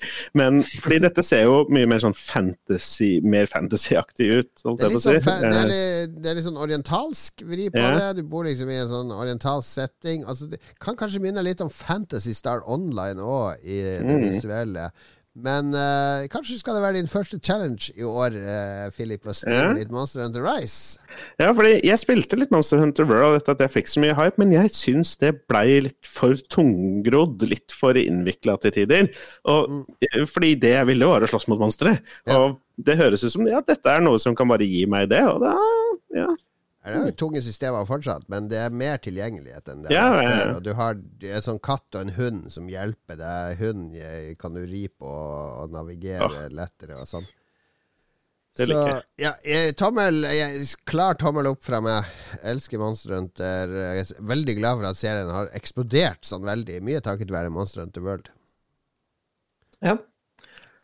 Du, du får uh, spille det og komme tilbake til Ja, men alle skal gi tomler. Det er det som er Ja, Ja, jeg, ja, gir tommel, komme. ja, ja, jeg gir tommel opp, og jeg er spent på jeg må, jeg må, Vi må balanse. En tommel ned. Vi kan ikke ha tre tommel opp så tidlig. konsolldritet som kommer inn på PC-en min! Fy faen, downgrade! Graphical downgrade! Det er jo Jeg har fire aldri- til meg. Jeg har aldri vært så hardcore på Monster Hunter-serien. Det er ukjent, ukjent for meg. Skummelt. Ja, ja, det kan du starte på, starte på, på ny mark sammen med meg. Og så spiller vi på stream sammen, Mats! Yay! Ja. Neste ut er nok en konsollport til PC, nemlig 20. januar. For da kommer selveste Kratos debutere på eh, PC. Nå snakker vi! Nå PC snakker vi! Race. Det er nemlig det kritikerroste og meget hyllede spillet God of War fra PlayStation 4. eh, Ja. Og som også kan spilles i noe forbedra versjon på PlayStation 5. Eh, det kommer til PC. Det er første gang eh, God of War-serien kommer på PC. Eh, jeg er ikke den største fan av det spillet, men det, det, det er en god narrativ actionopplevelse. Altså, jeg har det sånn artig triks med at eh, det har ingen kameraklipp. Kamera er Det begynner med at Kratos står og hogger trær. Hogger et tre. Kameraet på sida, så går kameraet bak han, og der blir det resten av spillet. Det er ingen cutscenes. Det er aldri et kamera går bort fra å være Når det er cutscenes, så kan kameraet beveger seg litt til sida, men det er ikke noe klipp. Mm. Det er. Fra start til rulleteksten så er det one take. Nei, det er kult. Mm. Ja, det er en artig detalj som du legger Ja, merke til. nei, jeg, jeg visste ikke. jeg, jeg har det jo på PlayStation sjøl, men jeg må jo, jeg må jo vitterlig sette meg ned og spille det spillet her. Men spiller du da med mus og tastatur? Jeg tror ikke det. Jeg, jeg spiller alle sånne her type spill, sånn action-RPG-spill, eh, spiller jeg med gamepad. Sånn som jeg spiller Dark Souls og Sekiro, alle de her spiller jeg med gamepad. Jeg, jeg merka den jeg fyrte opp uh, Witcher også, at det, det med Witcher mustastatur det er i var sånn grenselandet for meg. Ja. for Ja, men ikke engang det. Ja. Det er noe med å styre en person i, i en tredje verden som stikkene er gode til. Ja. Jeg er, jeg er litt spent på dette her. Eh, alle med respekt for seg selv spiller jo i 4K, og nå kommer God of War ut i 4K på PC, så da er det unektelig litt spennende. Jeg syns det første spillet var, var gøy. Jeg likte det nok bedre enn Jon Cato gjorde. Eh, og ja, dette Jeg kan, jeg kan smyge inn før vi går videre, at faktisk mellom 12. januar og 14. januar, Monster Hunter Rise og God of War, så kommer det faktisk et gammelt PC-spill på konsoller. Jeg fant det ut nå nettopp. Da kommer Battle Brothers på PlayStation og Xbox. Som er et sånn herre eh, hva er det for noe? Battle Brothers. Eh, Det er et uh, turbasert uh, strategispill hvor du skal styre et uh, sånn kompani med leiesoldater. Det er et fantasyspill hvor du skal leie inn leiesoldater, og så skal du ta kontrakter og utvikle kompaniet. da. Det er veldig kult. Det er sånn indie, et indie-spill, rett og slett. På Switch? òg, Også, det? Ja, jaggu. Nei, det er, det er dritkult. Det er veldig vanskelig, men eh, det er kult. Jeg ser bare Switch, jeg, og Windows. Ja, det står eh, 13. januar, PlayStation and Xbox. Ja, ok, kult. Ja, det kom på På, Switch eh, i fjor. Ja, ja, det er sikkert ute på Switch, men det kommer på PlayStation og Xbox. Nå. er det greit med en gammel Switch-port, ja. Nå var det helt ok. Tommel opp! Et, et gammelt, eh, gammelt, gammelt PC-spill, men det er veldig kult. Så hvis du aldri har eh, Ja. kunnet spilt det pga. at du har en Xbox eller PlayStation, så er det verdt å sjekke ut. Men ja, la oss gi tomla på det. Og tomler på God of War først. Nå skal jeg være raus. Jeg har litt lyst til å spille det på nytt på PC, så jeg gir en tommel opp. Jeg har fått så mye kjeft for jeg var så negativ. Så tomla opp til Corey. Balrog og God of War. Og så har vi dette Battle Brothers, en eh, Switch-port av et gammelt PC-spill som nå kommer tilbake til PC. Jeg, jeg føler jeg har ikke bedømmingsgrunnlaget det. her, så vi, vi må ta en tommel ned. Jeg, jeg kommer ikke til å spille det. Mats skal ha tommel ned på Monster Under Ice. Nå får han tilbake. Ja. Back at you! Payback, payback. Bare God of War som får alle tomler opp i lomma på Sony. Lars er fornøyd nå. Vi, eh, Tom, så kommer da 20. januar det kommer det faktisk fire ulike spill, så la oss gå gjennom de ett etter etter Det første er da Tom Clancy. Ja, det lover godt. Tom Clancy, vet du. Han Det finnes så mange Tom Clancy-spill. Jeg syns bare Ubisoft egentlig bare skulle kalle alt for Tom Clancy. Det Jeg så det. eh, Ekstremsportspillet. Det kan være Tom Clancy's Extreme eh, Tom Bike. Clancy's Raven Rabbits. Rayman, ja. Ra Raving Rabbits. Bare, bare gjør det på alt. Men eh, dette heter da Rainbow Six Extraction. Og det var vel et av spillene fra mm, E3, eller det som Mm. erstatta E3, som fikk litt kjeft. Fordi det var litt sånn der eh, Du skal kjempe Det er noe sånn aliens, eller et eller Det er annet? sånn guffe, det er sånn gu, gu og aliens. Jeg husker ikke helt hvorfor det var en diskusjon rundt det, men ja, det var noe, det var noe virusgreier, kanskje. Jeg vet ikke helt, det. Ja, fordi dette er jo noe Jeg vet ikke helt hvordan Rainbow Six-serien egentlig har utviklet seg de siste årene, men dette er jo in space. Altså, er det noe Ja, dette er sci-fi. sånn? Nå går vi sci-fi, liksom. Ja. Hva, jeg syns det ser dritkjedelig ut, for å være ærlig. Jeg liker Division-estetikk. Det er ingenting estetisk her som appellerer til meg, med den gulfargen som bare minner om Cyberpunk. Alt er gul. Alt er Og svart at og det er contamination. Og at her, Det er too soon. Vi er midt i en pandemi. Vi trenger ikke et, et spill om en annen pandemi. Så tommelen ned fra meg. Jeg gir Ja. tommel, jeg gir tommel opp, fordi det minner litt om en serie jeg skal snakke om i anbefalingsspalten. Eh, og så er svart og gult er jo massefargene. MFK for life. Så tommel opp. Ja, folk, jeg kan hive meg med på tommel opp, fordi de prøver å gjøre noe nytt eh, med Rainbow Six, I guess. Men OK, jeg, vet, vet du hva? Jeg gir tommel opp fordi det er treplayer coop, og det er kult med coop. Å, Ja. det er det? Oh, ja, ok. Replayer, bare? Du kan spille alene, og du kan spille med to venner. Hva, hva gjør dere 20. januar? Da blir det stream. Oss tre. Jeg er på Spiller jobb, men jeg kan Ja, okay. joine dere in spiritus.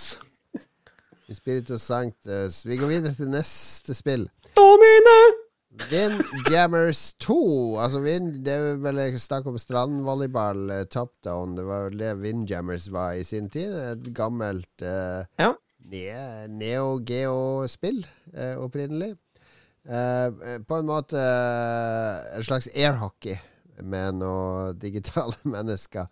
Og her er toeren kommet. Eh, det var en sånn greie med Windjammers re-release for noen år siden. For jeg husker Dave Lang og noen sånn spillstudier i USA De drev og harselerte med det på en podkast, og det skulle aldri skje, og så skjedde det.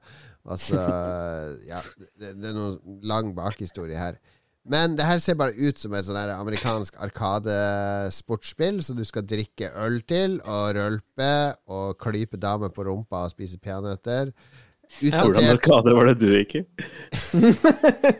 Det er sånn har vært på hver gang jeg har vært i USA. Men du, det her er, det her er airhockey, ikke sant? Sånn Ja, det er en slags airhockey, tror jeg. Ja, og så er det jo, jeg må jo si at det er, er veldig sånn anime-inspirert. Masse farger Enda og Todokens og. Anime-inspirert amerikansk pubidrettkultur. To tomler ned.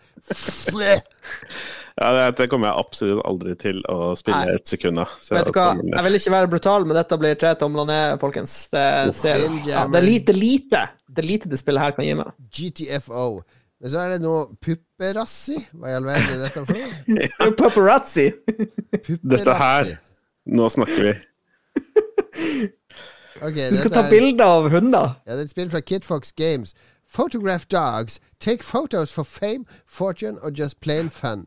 Don't lose yourself along the way. Det er et, et 3D-spill med litt sånn, der, eh, litt sånn enkel 3D-grafikk, der du ikke har voldsomme teksturer, mer selvshada. Du må lese opp hele beskrivelsen. Your career is riding on this. Whose dogs are these? As seen on Wholesome Games Direct 2020 mini showcase. Ok, ja, men du skal ta Det er fra samme utgiver som har Boyfriend Dungeon og For Fortress av alle ting. Boyfriend Dungeon? Eh, Shrouded Isle Boyfriend Dungeon har du ikke spilt heller, Mats? Nei. Hvis vi skal bli et homofilt ektepar i fremtiden Så må jeg spille gjennom det? og Ok, jeg skal, jeg skal get, get on it. Det ser ut, det- Dette er et av disse terapispillene som folk spiller nå når de har frynsete nerver i pandemien. Det, er, det Ja. ser ut som ren kos. Eh, ta, gå rundt og ta bilder av hunder. Med sånn koselig musikk. Hunder som skateboarder. Ja, det er hunder som skateboarder i halfpipe. I Og bruker hjelm da for å være trygg. Ja. Og så går de tur. Men jeg vil ikke ha en ikon på desktopen min. Hvis kona går forbi, så er det et ikon der det står 'pupperassi'. Det går ikke, så tommelen ned fra meg, rett og slett. Jeg gir tommel opp til holdsom, holdsomme spill. Det er bra. Du bare rename fila at du er sånn PC-gat. Det heter ikke Jeg den mappa di. Jeg renamer det til Dog the Dog Dog Throne. Det er hunder på skateboard, tommel opp. Right, da så har vi kommet til siste spillet 20. januar. Expeditions Rome heter dette Rome. spillet. Eh, kommer fra I IGN. Hvem er det som har linka til IGN-traileren her? Det er Philip. Hæ, nei, det er tenker Det, er TUK. TUK? T- T- THK. THQ. THQ. THQ. Ok, dette er da et, uh, et strategispill satt til Roma. Her, det er jo en sånn trailer òg, der de sitter og lager spillet. THQ Nordic heter de nå. THQ Nordic. Nordic. Men jeg tror det er, jeg tror det er kommandos bare i Romerike. Det er det, ja. Ser ut som. ja. For det er det det ser ut som. Ja. Herregud, de har footage av en fyr som spiller panfløyte og et, et messinginstrument på rundt tre Det var ikke, det var ikke en uh, actionfylt trailer, det kan vi si. Men det Dette er dårlig er- trailer. Er de svenske? De ser svenske ut, de som har laga det. Kanskje. Det er en announcement-trailer med masse blod. Logic Artists. Det er Danmark. De er dansk. De er fra København. Å, ja, ja. Okay. Copenhagen. Taler i det dannede språk. Han, Men ja, eh, det er strategispill i bunn. Var det sånn? Uh, jeg tror det er sånn småskala strategi. Altså, du, du styrer ei gruppe Uh, Turn-based uh, combat. Sånn som Desperados, har du ikke spilt det? Eller Men altså, litt senere i videoen så ser det ut som det er masse Altså, det er en legion som slåss mot en annen legion, og så er det sånn her eh, eh, symbol Jeg lurer på om det er litt mer enn bare små i grupper. Er Jeg har ikke spilt, jeg, jeg har ikke spilt noen av Expeditions-spillene, så jeg er jaggu litt usikker. Men uh, jeg hører en tommel opp fra deg, bare fra sånn nysgjerrighet, uh, Mats. Ja, ja, ja, dette må vi gi tommel opp til. Vet du, hva, Jeg skal gi deg en tommel opp. Alle trailere der jeg ikke umiddelbart kan dømme ting nedenom og hjem, eller opp til himmelen, de får tommel opp fra meg. Da har du fått meg intrigue. Dette burde jeg forstå. Tommel opp fra meg òg. Ja. Kommer aldri til å spille. Tommel ned. Så 28. januar, nå er vi på slutten av bedømminga her, det er bare to spill igjen. 28. januar, da endelig kommer det som Pokémon-fans har venta på i 25 år, nemlig et uh, open world Pokémon-spill. Holy shit. Men Holy shit. når de så den første traileren, bare What the fuck er disse skra skralle, skrintende omgivelsene her? Det ser jo ikke ut som uh, Cyberpunk 2077 og Skyrim med 10 000 mods. What the fuck, Nintendo? GTFO!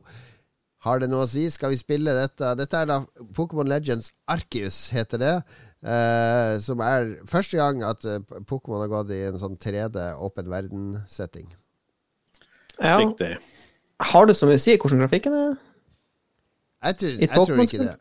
Ja, det, ser jo, det ser jo fungerende ut for det det er, skal være. Altså et open world Pokémon-spill hvor du skal Ja.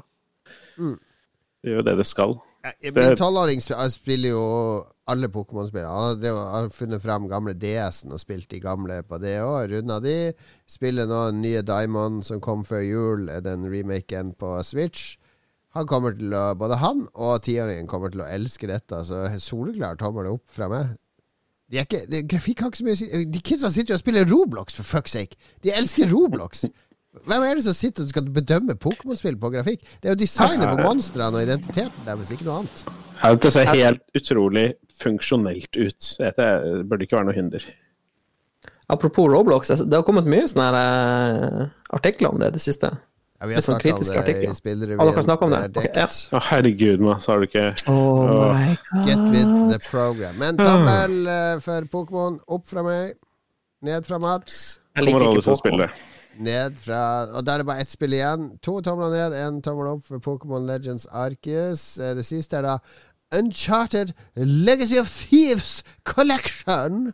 Eh, for eh, PlayStation 5, går det ut? Men det, jeg tror det skal komme til PC òg, men det står ikke Jeg tror ikke det kommer i januar, men det, det skal komme til PC. For du, det er mange plasser det står at det skal komme til Windows også, men jeg klarte ikke å finne noe dato på det. Ja, det, står, det kommer til PC i 2022, står det.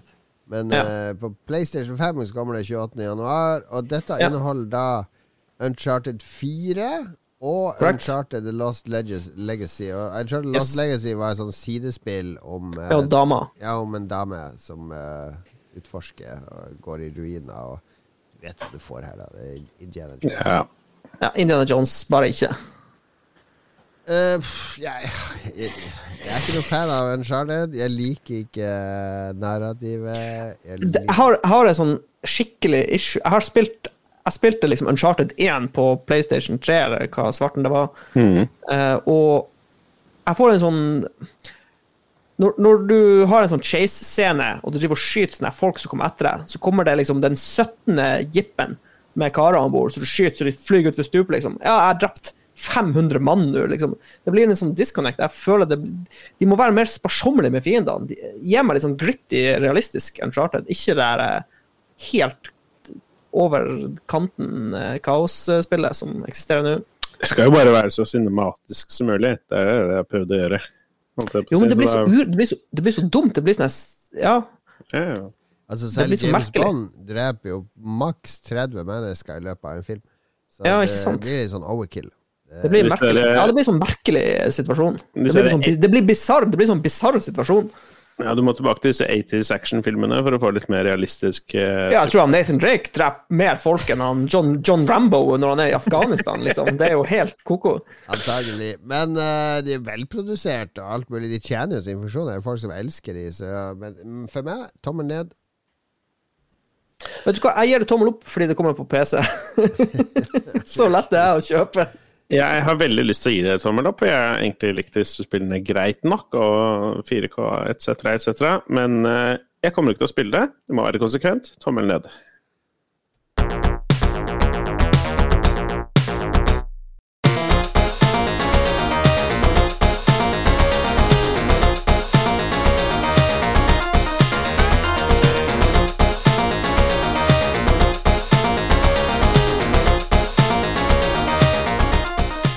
Og så Så rett inn i Nå har dere fått masse gode tips, eh, lyttere, til uh, hva dere kan spille i januar. Mye remakes som kommer ut, mye som på porta og andre ting, men det var jo litt gull og interessant innimellom der.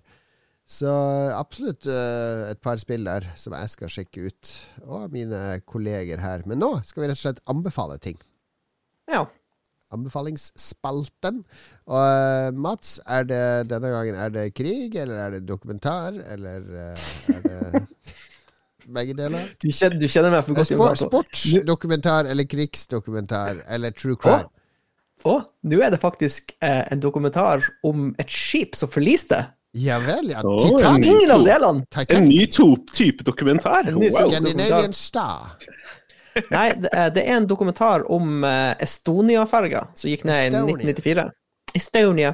Det var ei eh, ferge som forliste eh, mellom Tallinn og Stockholm i eh, høsten 1994, hvor det var 852 mennesker som omkom, eller noe sånt helt ko-ko mye.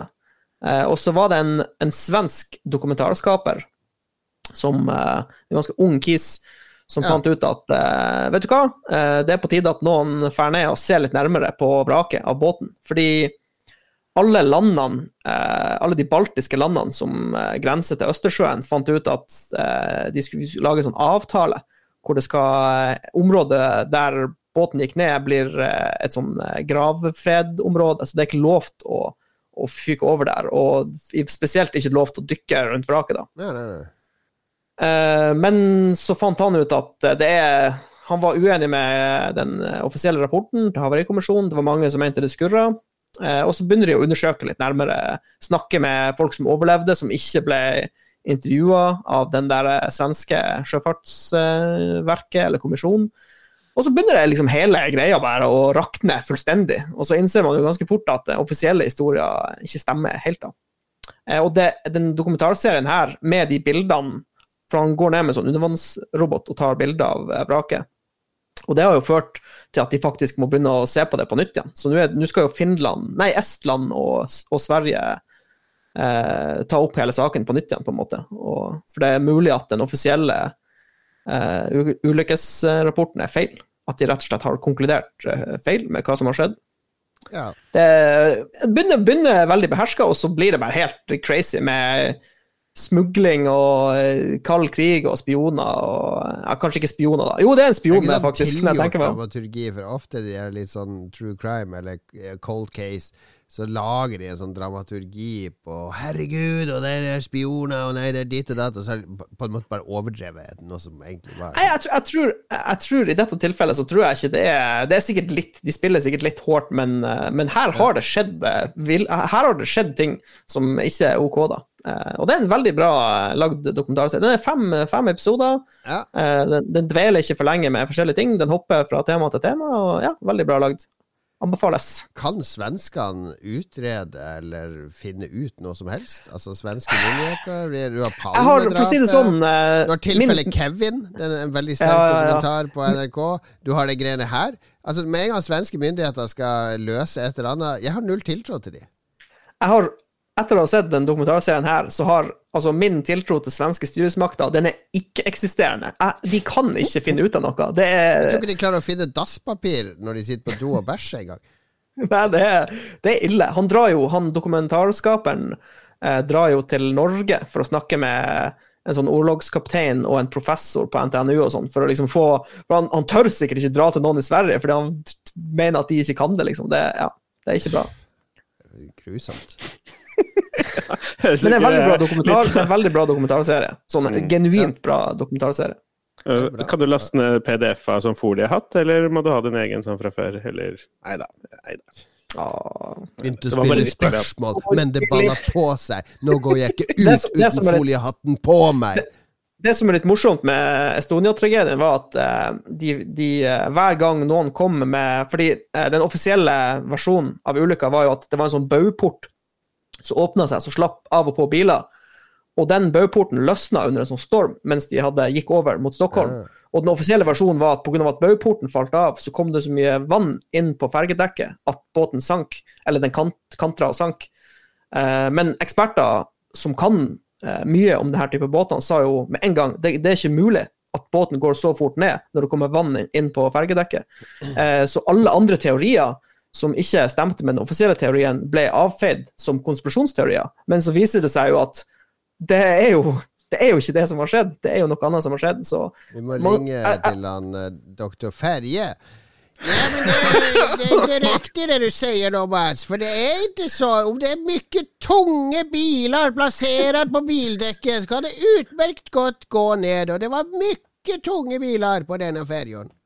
Ja, nei, men det, den her, det her er et godt eksempel på at um, noen ganger så er det ikke nødvendigvis feil å betvile den offisielle versjonen av noe, og kanskje se litt nærmere på det. Det er ikke alltid det er en dum ting. Noen Fordi ganger så kan denne, denne kom i 2020. Ja. Hva skjedde i kjølvannet av den serien?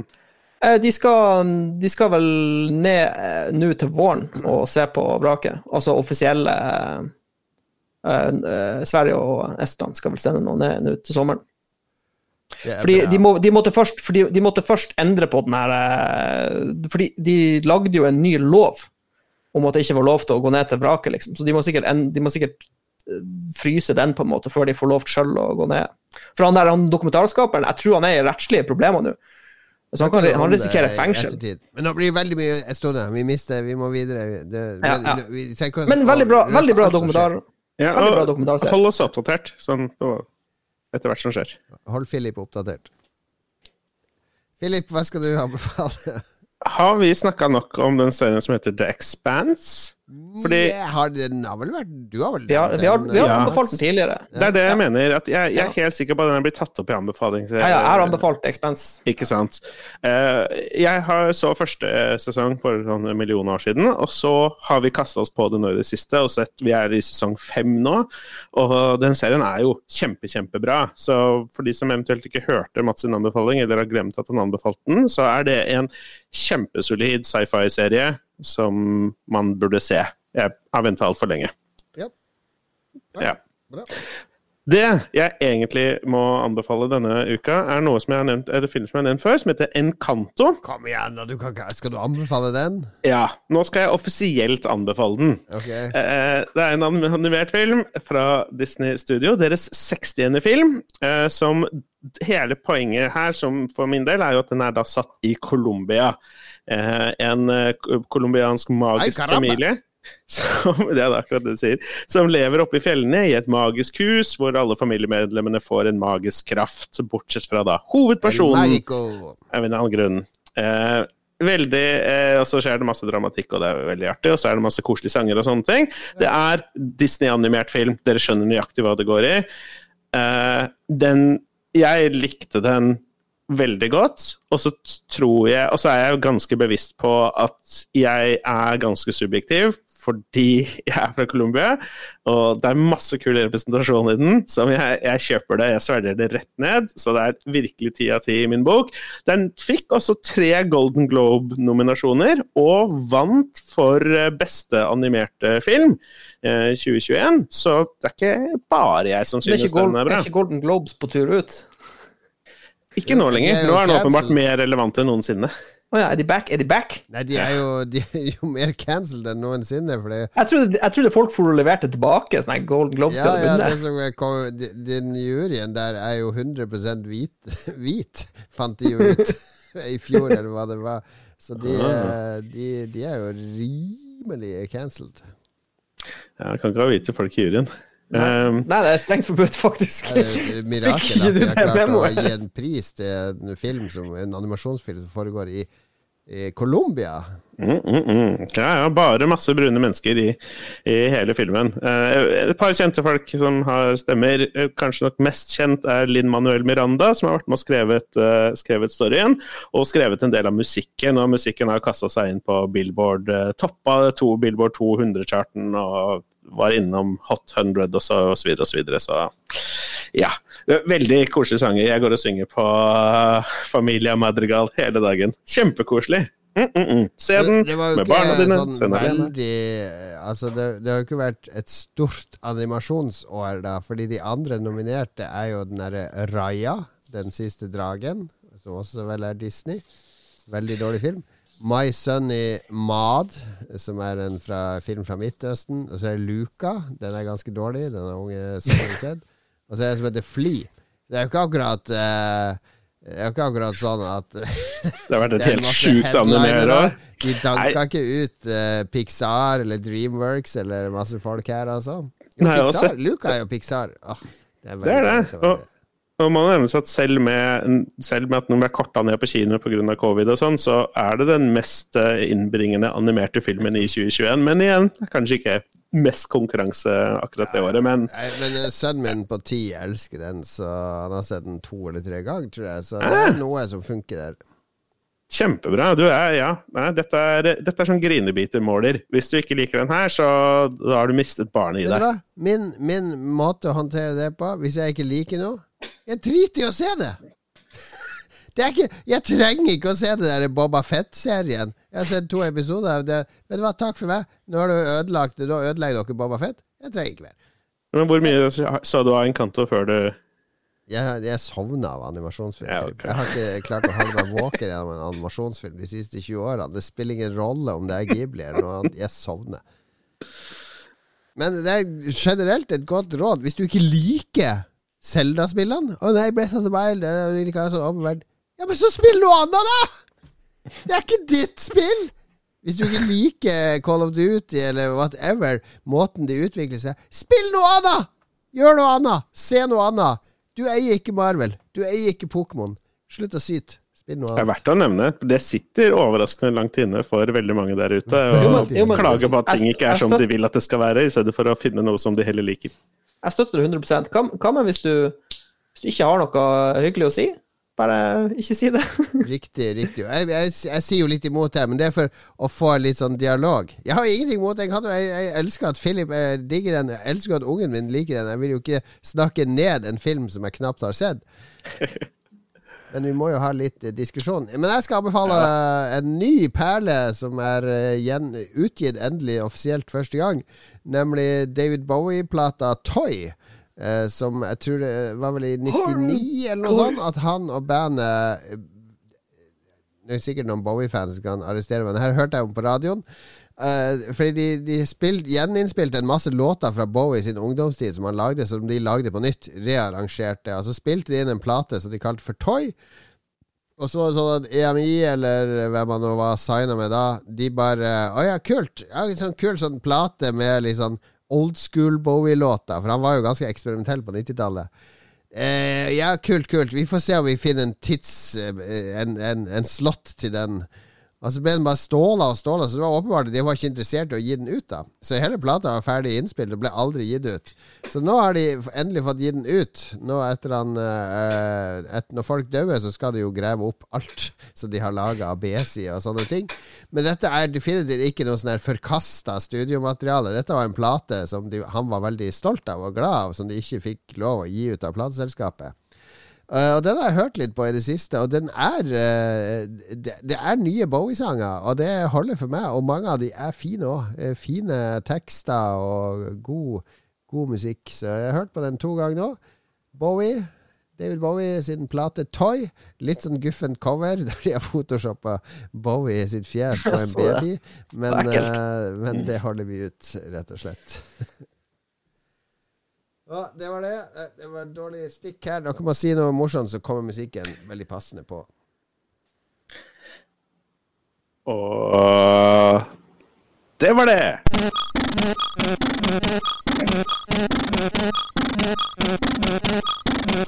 Da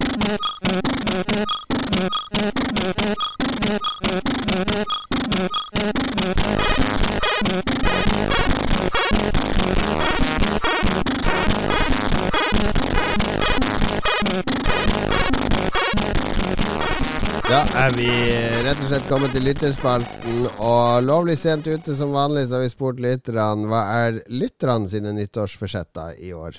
Jeg, jeg må komme med faktaopplysning. Ja, Dette er faktisk episode 385, og ikke 384. er det det? Ja. Forrige episode var 384. Jeg så det nå. Det er sikkert copy-paste. Der kommer MS-DOS-poeten i neste. Så kjære lytter, send inn dine gamle config.sys og autobat, uh, autoexec-bat-filer til oss hvis dere vil at uh, MS-DOS-poeten skal lese de opp i neste episode. Men det, ja, episode 385, da er vi nærmer oss slutten. Vi har lyttere som har delt sine nyttårsbudsjetter. Ja. Og vi kan jo begynne med selveste Christopher. Get a boys. Hansen beveger seg mer. Det er samme som Philip. Spiser mindre. Ikke det samme som Philip, men forguder alle de sexy folkene i Lolkorp enda mer. Ah, det liker vi. Jeg støtter, det- støtter det nyttårsforsettet. Eh, Thomas Holmedal sier han skal spille mer Farming Simulator 22 og mindre tid på ungen. Fantastisk. God start på året. Eh, Sveen, Ole Kristian, han sier det blir nok et halvhjerta forsøk på litt trening. Skal begynne snart, bare jeg finner en dag det passer. Kjenner meg igjen. Kjenner meg igjen. Mhm. Eh, Tol- Tom Wilhelm Ødegaard, han skal spille mer og gå oftere på kino. Ja. Mm. Det er like. mye mindre kino på de fleste i 2021, vil jeg tro. Ja, dårlig kinoår.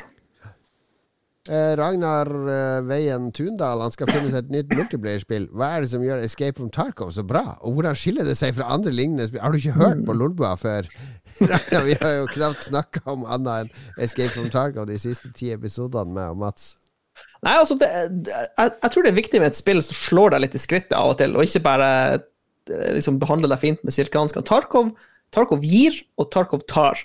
Og det er det som gjør det bra. Tarkov er veldig krevende. Det krever mye. Du må investere en god del timer før du begynner å kjenne på noe i nærheten av en mestringsfølelse. Ja, absolutt. Ikke sant? Både det å lære seg kart, for det gjør, spillet gjør ingenting for å lære deg kartene, lære deg reglene på kartene, Spillmekanikker, healing Og så begynne å lære deg hvor er det folk bruker å gå, hvor er hotspots, hva, hva er god ammo. Eh, altså, ja, det, det er så mye dybde i det å lære. Så når du begynner Det er en investering du må gjøre, og da får du så mye flerfoldig mye tilbake. Og så er det selvfølgelig den der enorme risikoen hver gang du går inn, at jeg mister alt hvis jeg dør. Eh, den der Dark Souls-følelsen, rett og slett. Ja, helt enig. Bjørn Bjelland er neste. Skal gå på en fest i år. Ble lite av det i fjor. Ble ikke en eneste fest i fjor. Det er litt stusslig. Ja, det er et godt Ja. mål å sette. Skal gå på en fest. Ja, enkelt og greit. Eh, Øystein Reinertsen han skal også prøve å få sett mer filmer, og forhåpentligvis reise mer. Jeg, er litt sånn, for- jeg, er litt, jeg tror ikke jeg tør å si at jeg skal reise, men eh, det hadde jo vært nice. Ja. På den filmbiten, er, har du sett den, The Matrix 4? Nei, Nei. den er ikke på HBO Max i Norge ennå, er den det? Å, nei, det er ikke det, nei. Nei, vi stakk og så den på kino, nemlig. Kino, ja. Ja, og det Men det er et Det må snakkes med noen om, holdt jeg på å si. Ja. Så da venter jeg et par uker. Anbefalingsspalten har kjørt forbi, så jeg skjønner i hvilket landskap den filmen havna. Vi, ja, vi tar det opp igjen om et par uker når dere har fått sett den. Og så har vi et innlegg av selveste Lars Rikard Olsen. Oi, oi, oi.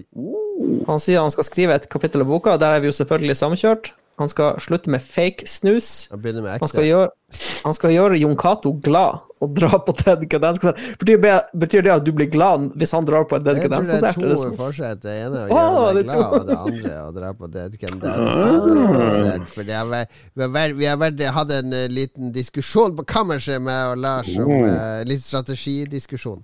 Så, så det er bra. Da ble jeg glad. Jeg ble glad allerede. Jeg ble glad bare han bidrar med et uh, lyttebidrag. God start, i hvert fall. Eh, Martin Pettersen har også et. Han klarer ikke finne flere ting å slutte med. Så han skal bare nyte hvor kjipt det er, og slutte med alt som er godt. Eh, han er ikke feit, da, men Ja. Mm. Kjenner oss veldig Ja, igjen der. det er flere Kjenner nyttårsrett her som følger trenden, ser jeg. Han Adrian Haugen, hallo Adrian. Eh, Han går inn i sitt åttende år der han har ambisjoner om å ta av seg litt vekt. Håper det blir til tilkast i år. Ja, Eller han håper det blir tilkast i år. Det håper vi. Eh, ja. Men det ikke- fine med de nyttårsforsettene er at det har ikke noe å si Altså alle de foregående årene hvor det ikke skjedde, så det har ingenting å si. Det er ny, nytt år, blanke ark. Det er bare å gønne på. Ja, vi kan vel ikke ha noe nyttårsforsett om å arrangere tilcast, siden det ikke er helt opp til oss alene. Men eh, Hvis det er mulig. Tilt er selvfølgelig positiv og vil ha det. Ha det. Det, er bare, det er vanskelig å planlegge noe to måneder frem i tid når du ikke vet om ting er oppe eller stengt. Så vi får håpe det blir stabilt snart. Og til slutt Vegard, Vegard. Ja. Helt til sist. Han synes forsett er noe av det dummeste som finnes, for man skal alltid slanke seg, trene mer, drikke mindre, slus, slutte med røyk, snus, weed or whatever. Men i år så tenkte jeg faen, kanskje jeg skal bli litt mer bereist, siden jeg egentlig har opplevd eh, ganske få land og hater å fly. Så 2022 utforsker litt mer av verden, og det er kanskje ikke det beste utgangspunktet for det, Vegard, men det er et veldig godt forsett. Det er en veldig kul verden der ute. Ja. Det er mye å oppleve. Han bor jo eh, oppe i Finnmark, så han kan jo bare dra rett over til Russland, så opplever han et nytt land. Ja, han burde jo han burde jo sette seg ett land, eller to land som mål. I år skal jeg besøke det og det landet. Bom. Ja. Det er mer konkret. Fordi det der å si ja, jeg skal utforske litt mer av verden. Det er, det er veldig Du må sette deg mer konkret mål, Vegard. Det er mitt eh, råd her.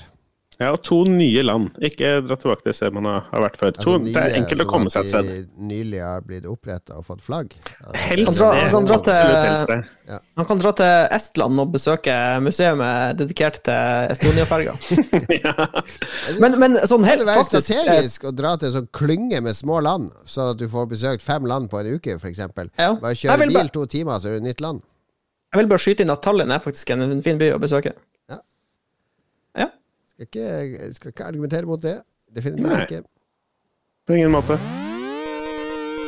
Og det, lyden av Rambo betyr at det er eh, lyden uh, At vi går Det betyr at det er lyd eh, Hva, hva er det lyden av? We are leaving Det vi skal takke våre produsenter, folkens. Ja. Vil gjerne takke TTMXMP, Kobelkar84, Duke Jarlsberg, Anne Betz, Stian Skjerven, Sean59, Jørn Helge Nilsen og Kralnor, aka Bjørn, og alle andre som støtter oss på P3. Dere er sweet. Vi er kjernekarer og kjernekvinner, rett og slett, eh, alle som støtter oss. Kjernekraft. Kjernekraft, det får du i Lolbua. Våre patrions gir oss kraft, energi til å komme oss gjennom koronahverdagen. Spille inn nye episoder hver uke, både av Lolbua, Spillrevyen, og nå tror jeg også Jagdu og Ragebeat er tilbake med alle småbarnsfedrene. Og eh, Ståle har vel fått stemmen tilbake òg. Han har vært uh, ute en stund. Uh, prater for mye. Ståle? Han, uh, har vært, han er tilbake. Uh, Lykkos univers med gjedda tror jeg også er tilbake straks. Og vi skal til og med spille inn en Roffelbua til helga, Philip. Skal vi ikke det? Det skal vel litt plutselig, eh, inspirert av seerne våre, som, lytterne våre, som har diskutert på Discord-serveren vår. Der må du komme dere inn og bli med å inspirere nye Ruffelbø-episoder du også. Nice. On track for suksess i 2022. Streama, podkaster, nudes. Alt får du her hos oss. Følg oss videre inn i det nye året, og ta vare på hverandre. Nye retningslinjer fra regjeringa på fredag. Det ryktes at alle må gå med truse på hodet når de skal på butikken. Vi krysser fingrene for at Jonas og eh, hva heter han? Vedum? Led oss inn i frelselsen fra korona. Takk for nå. Ha det godt. Ha det!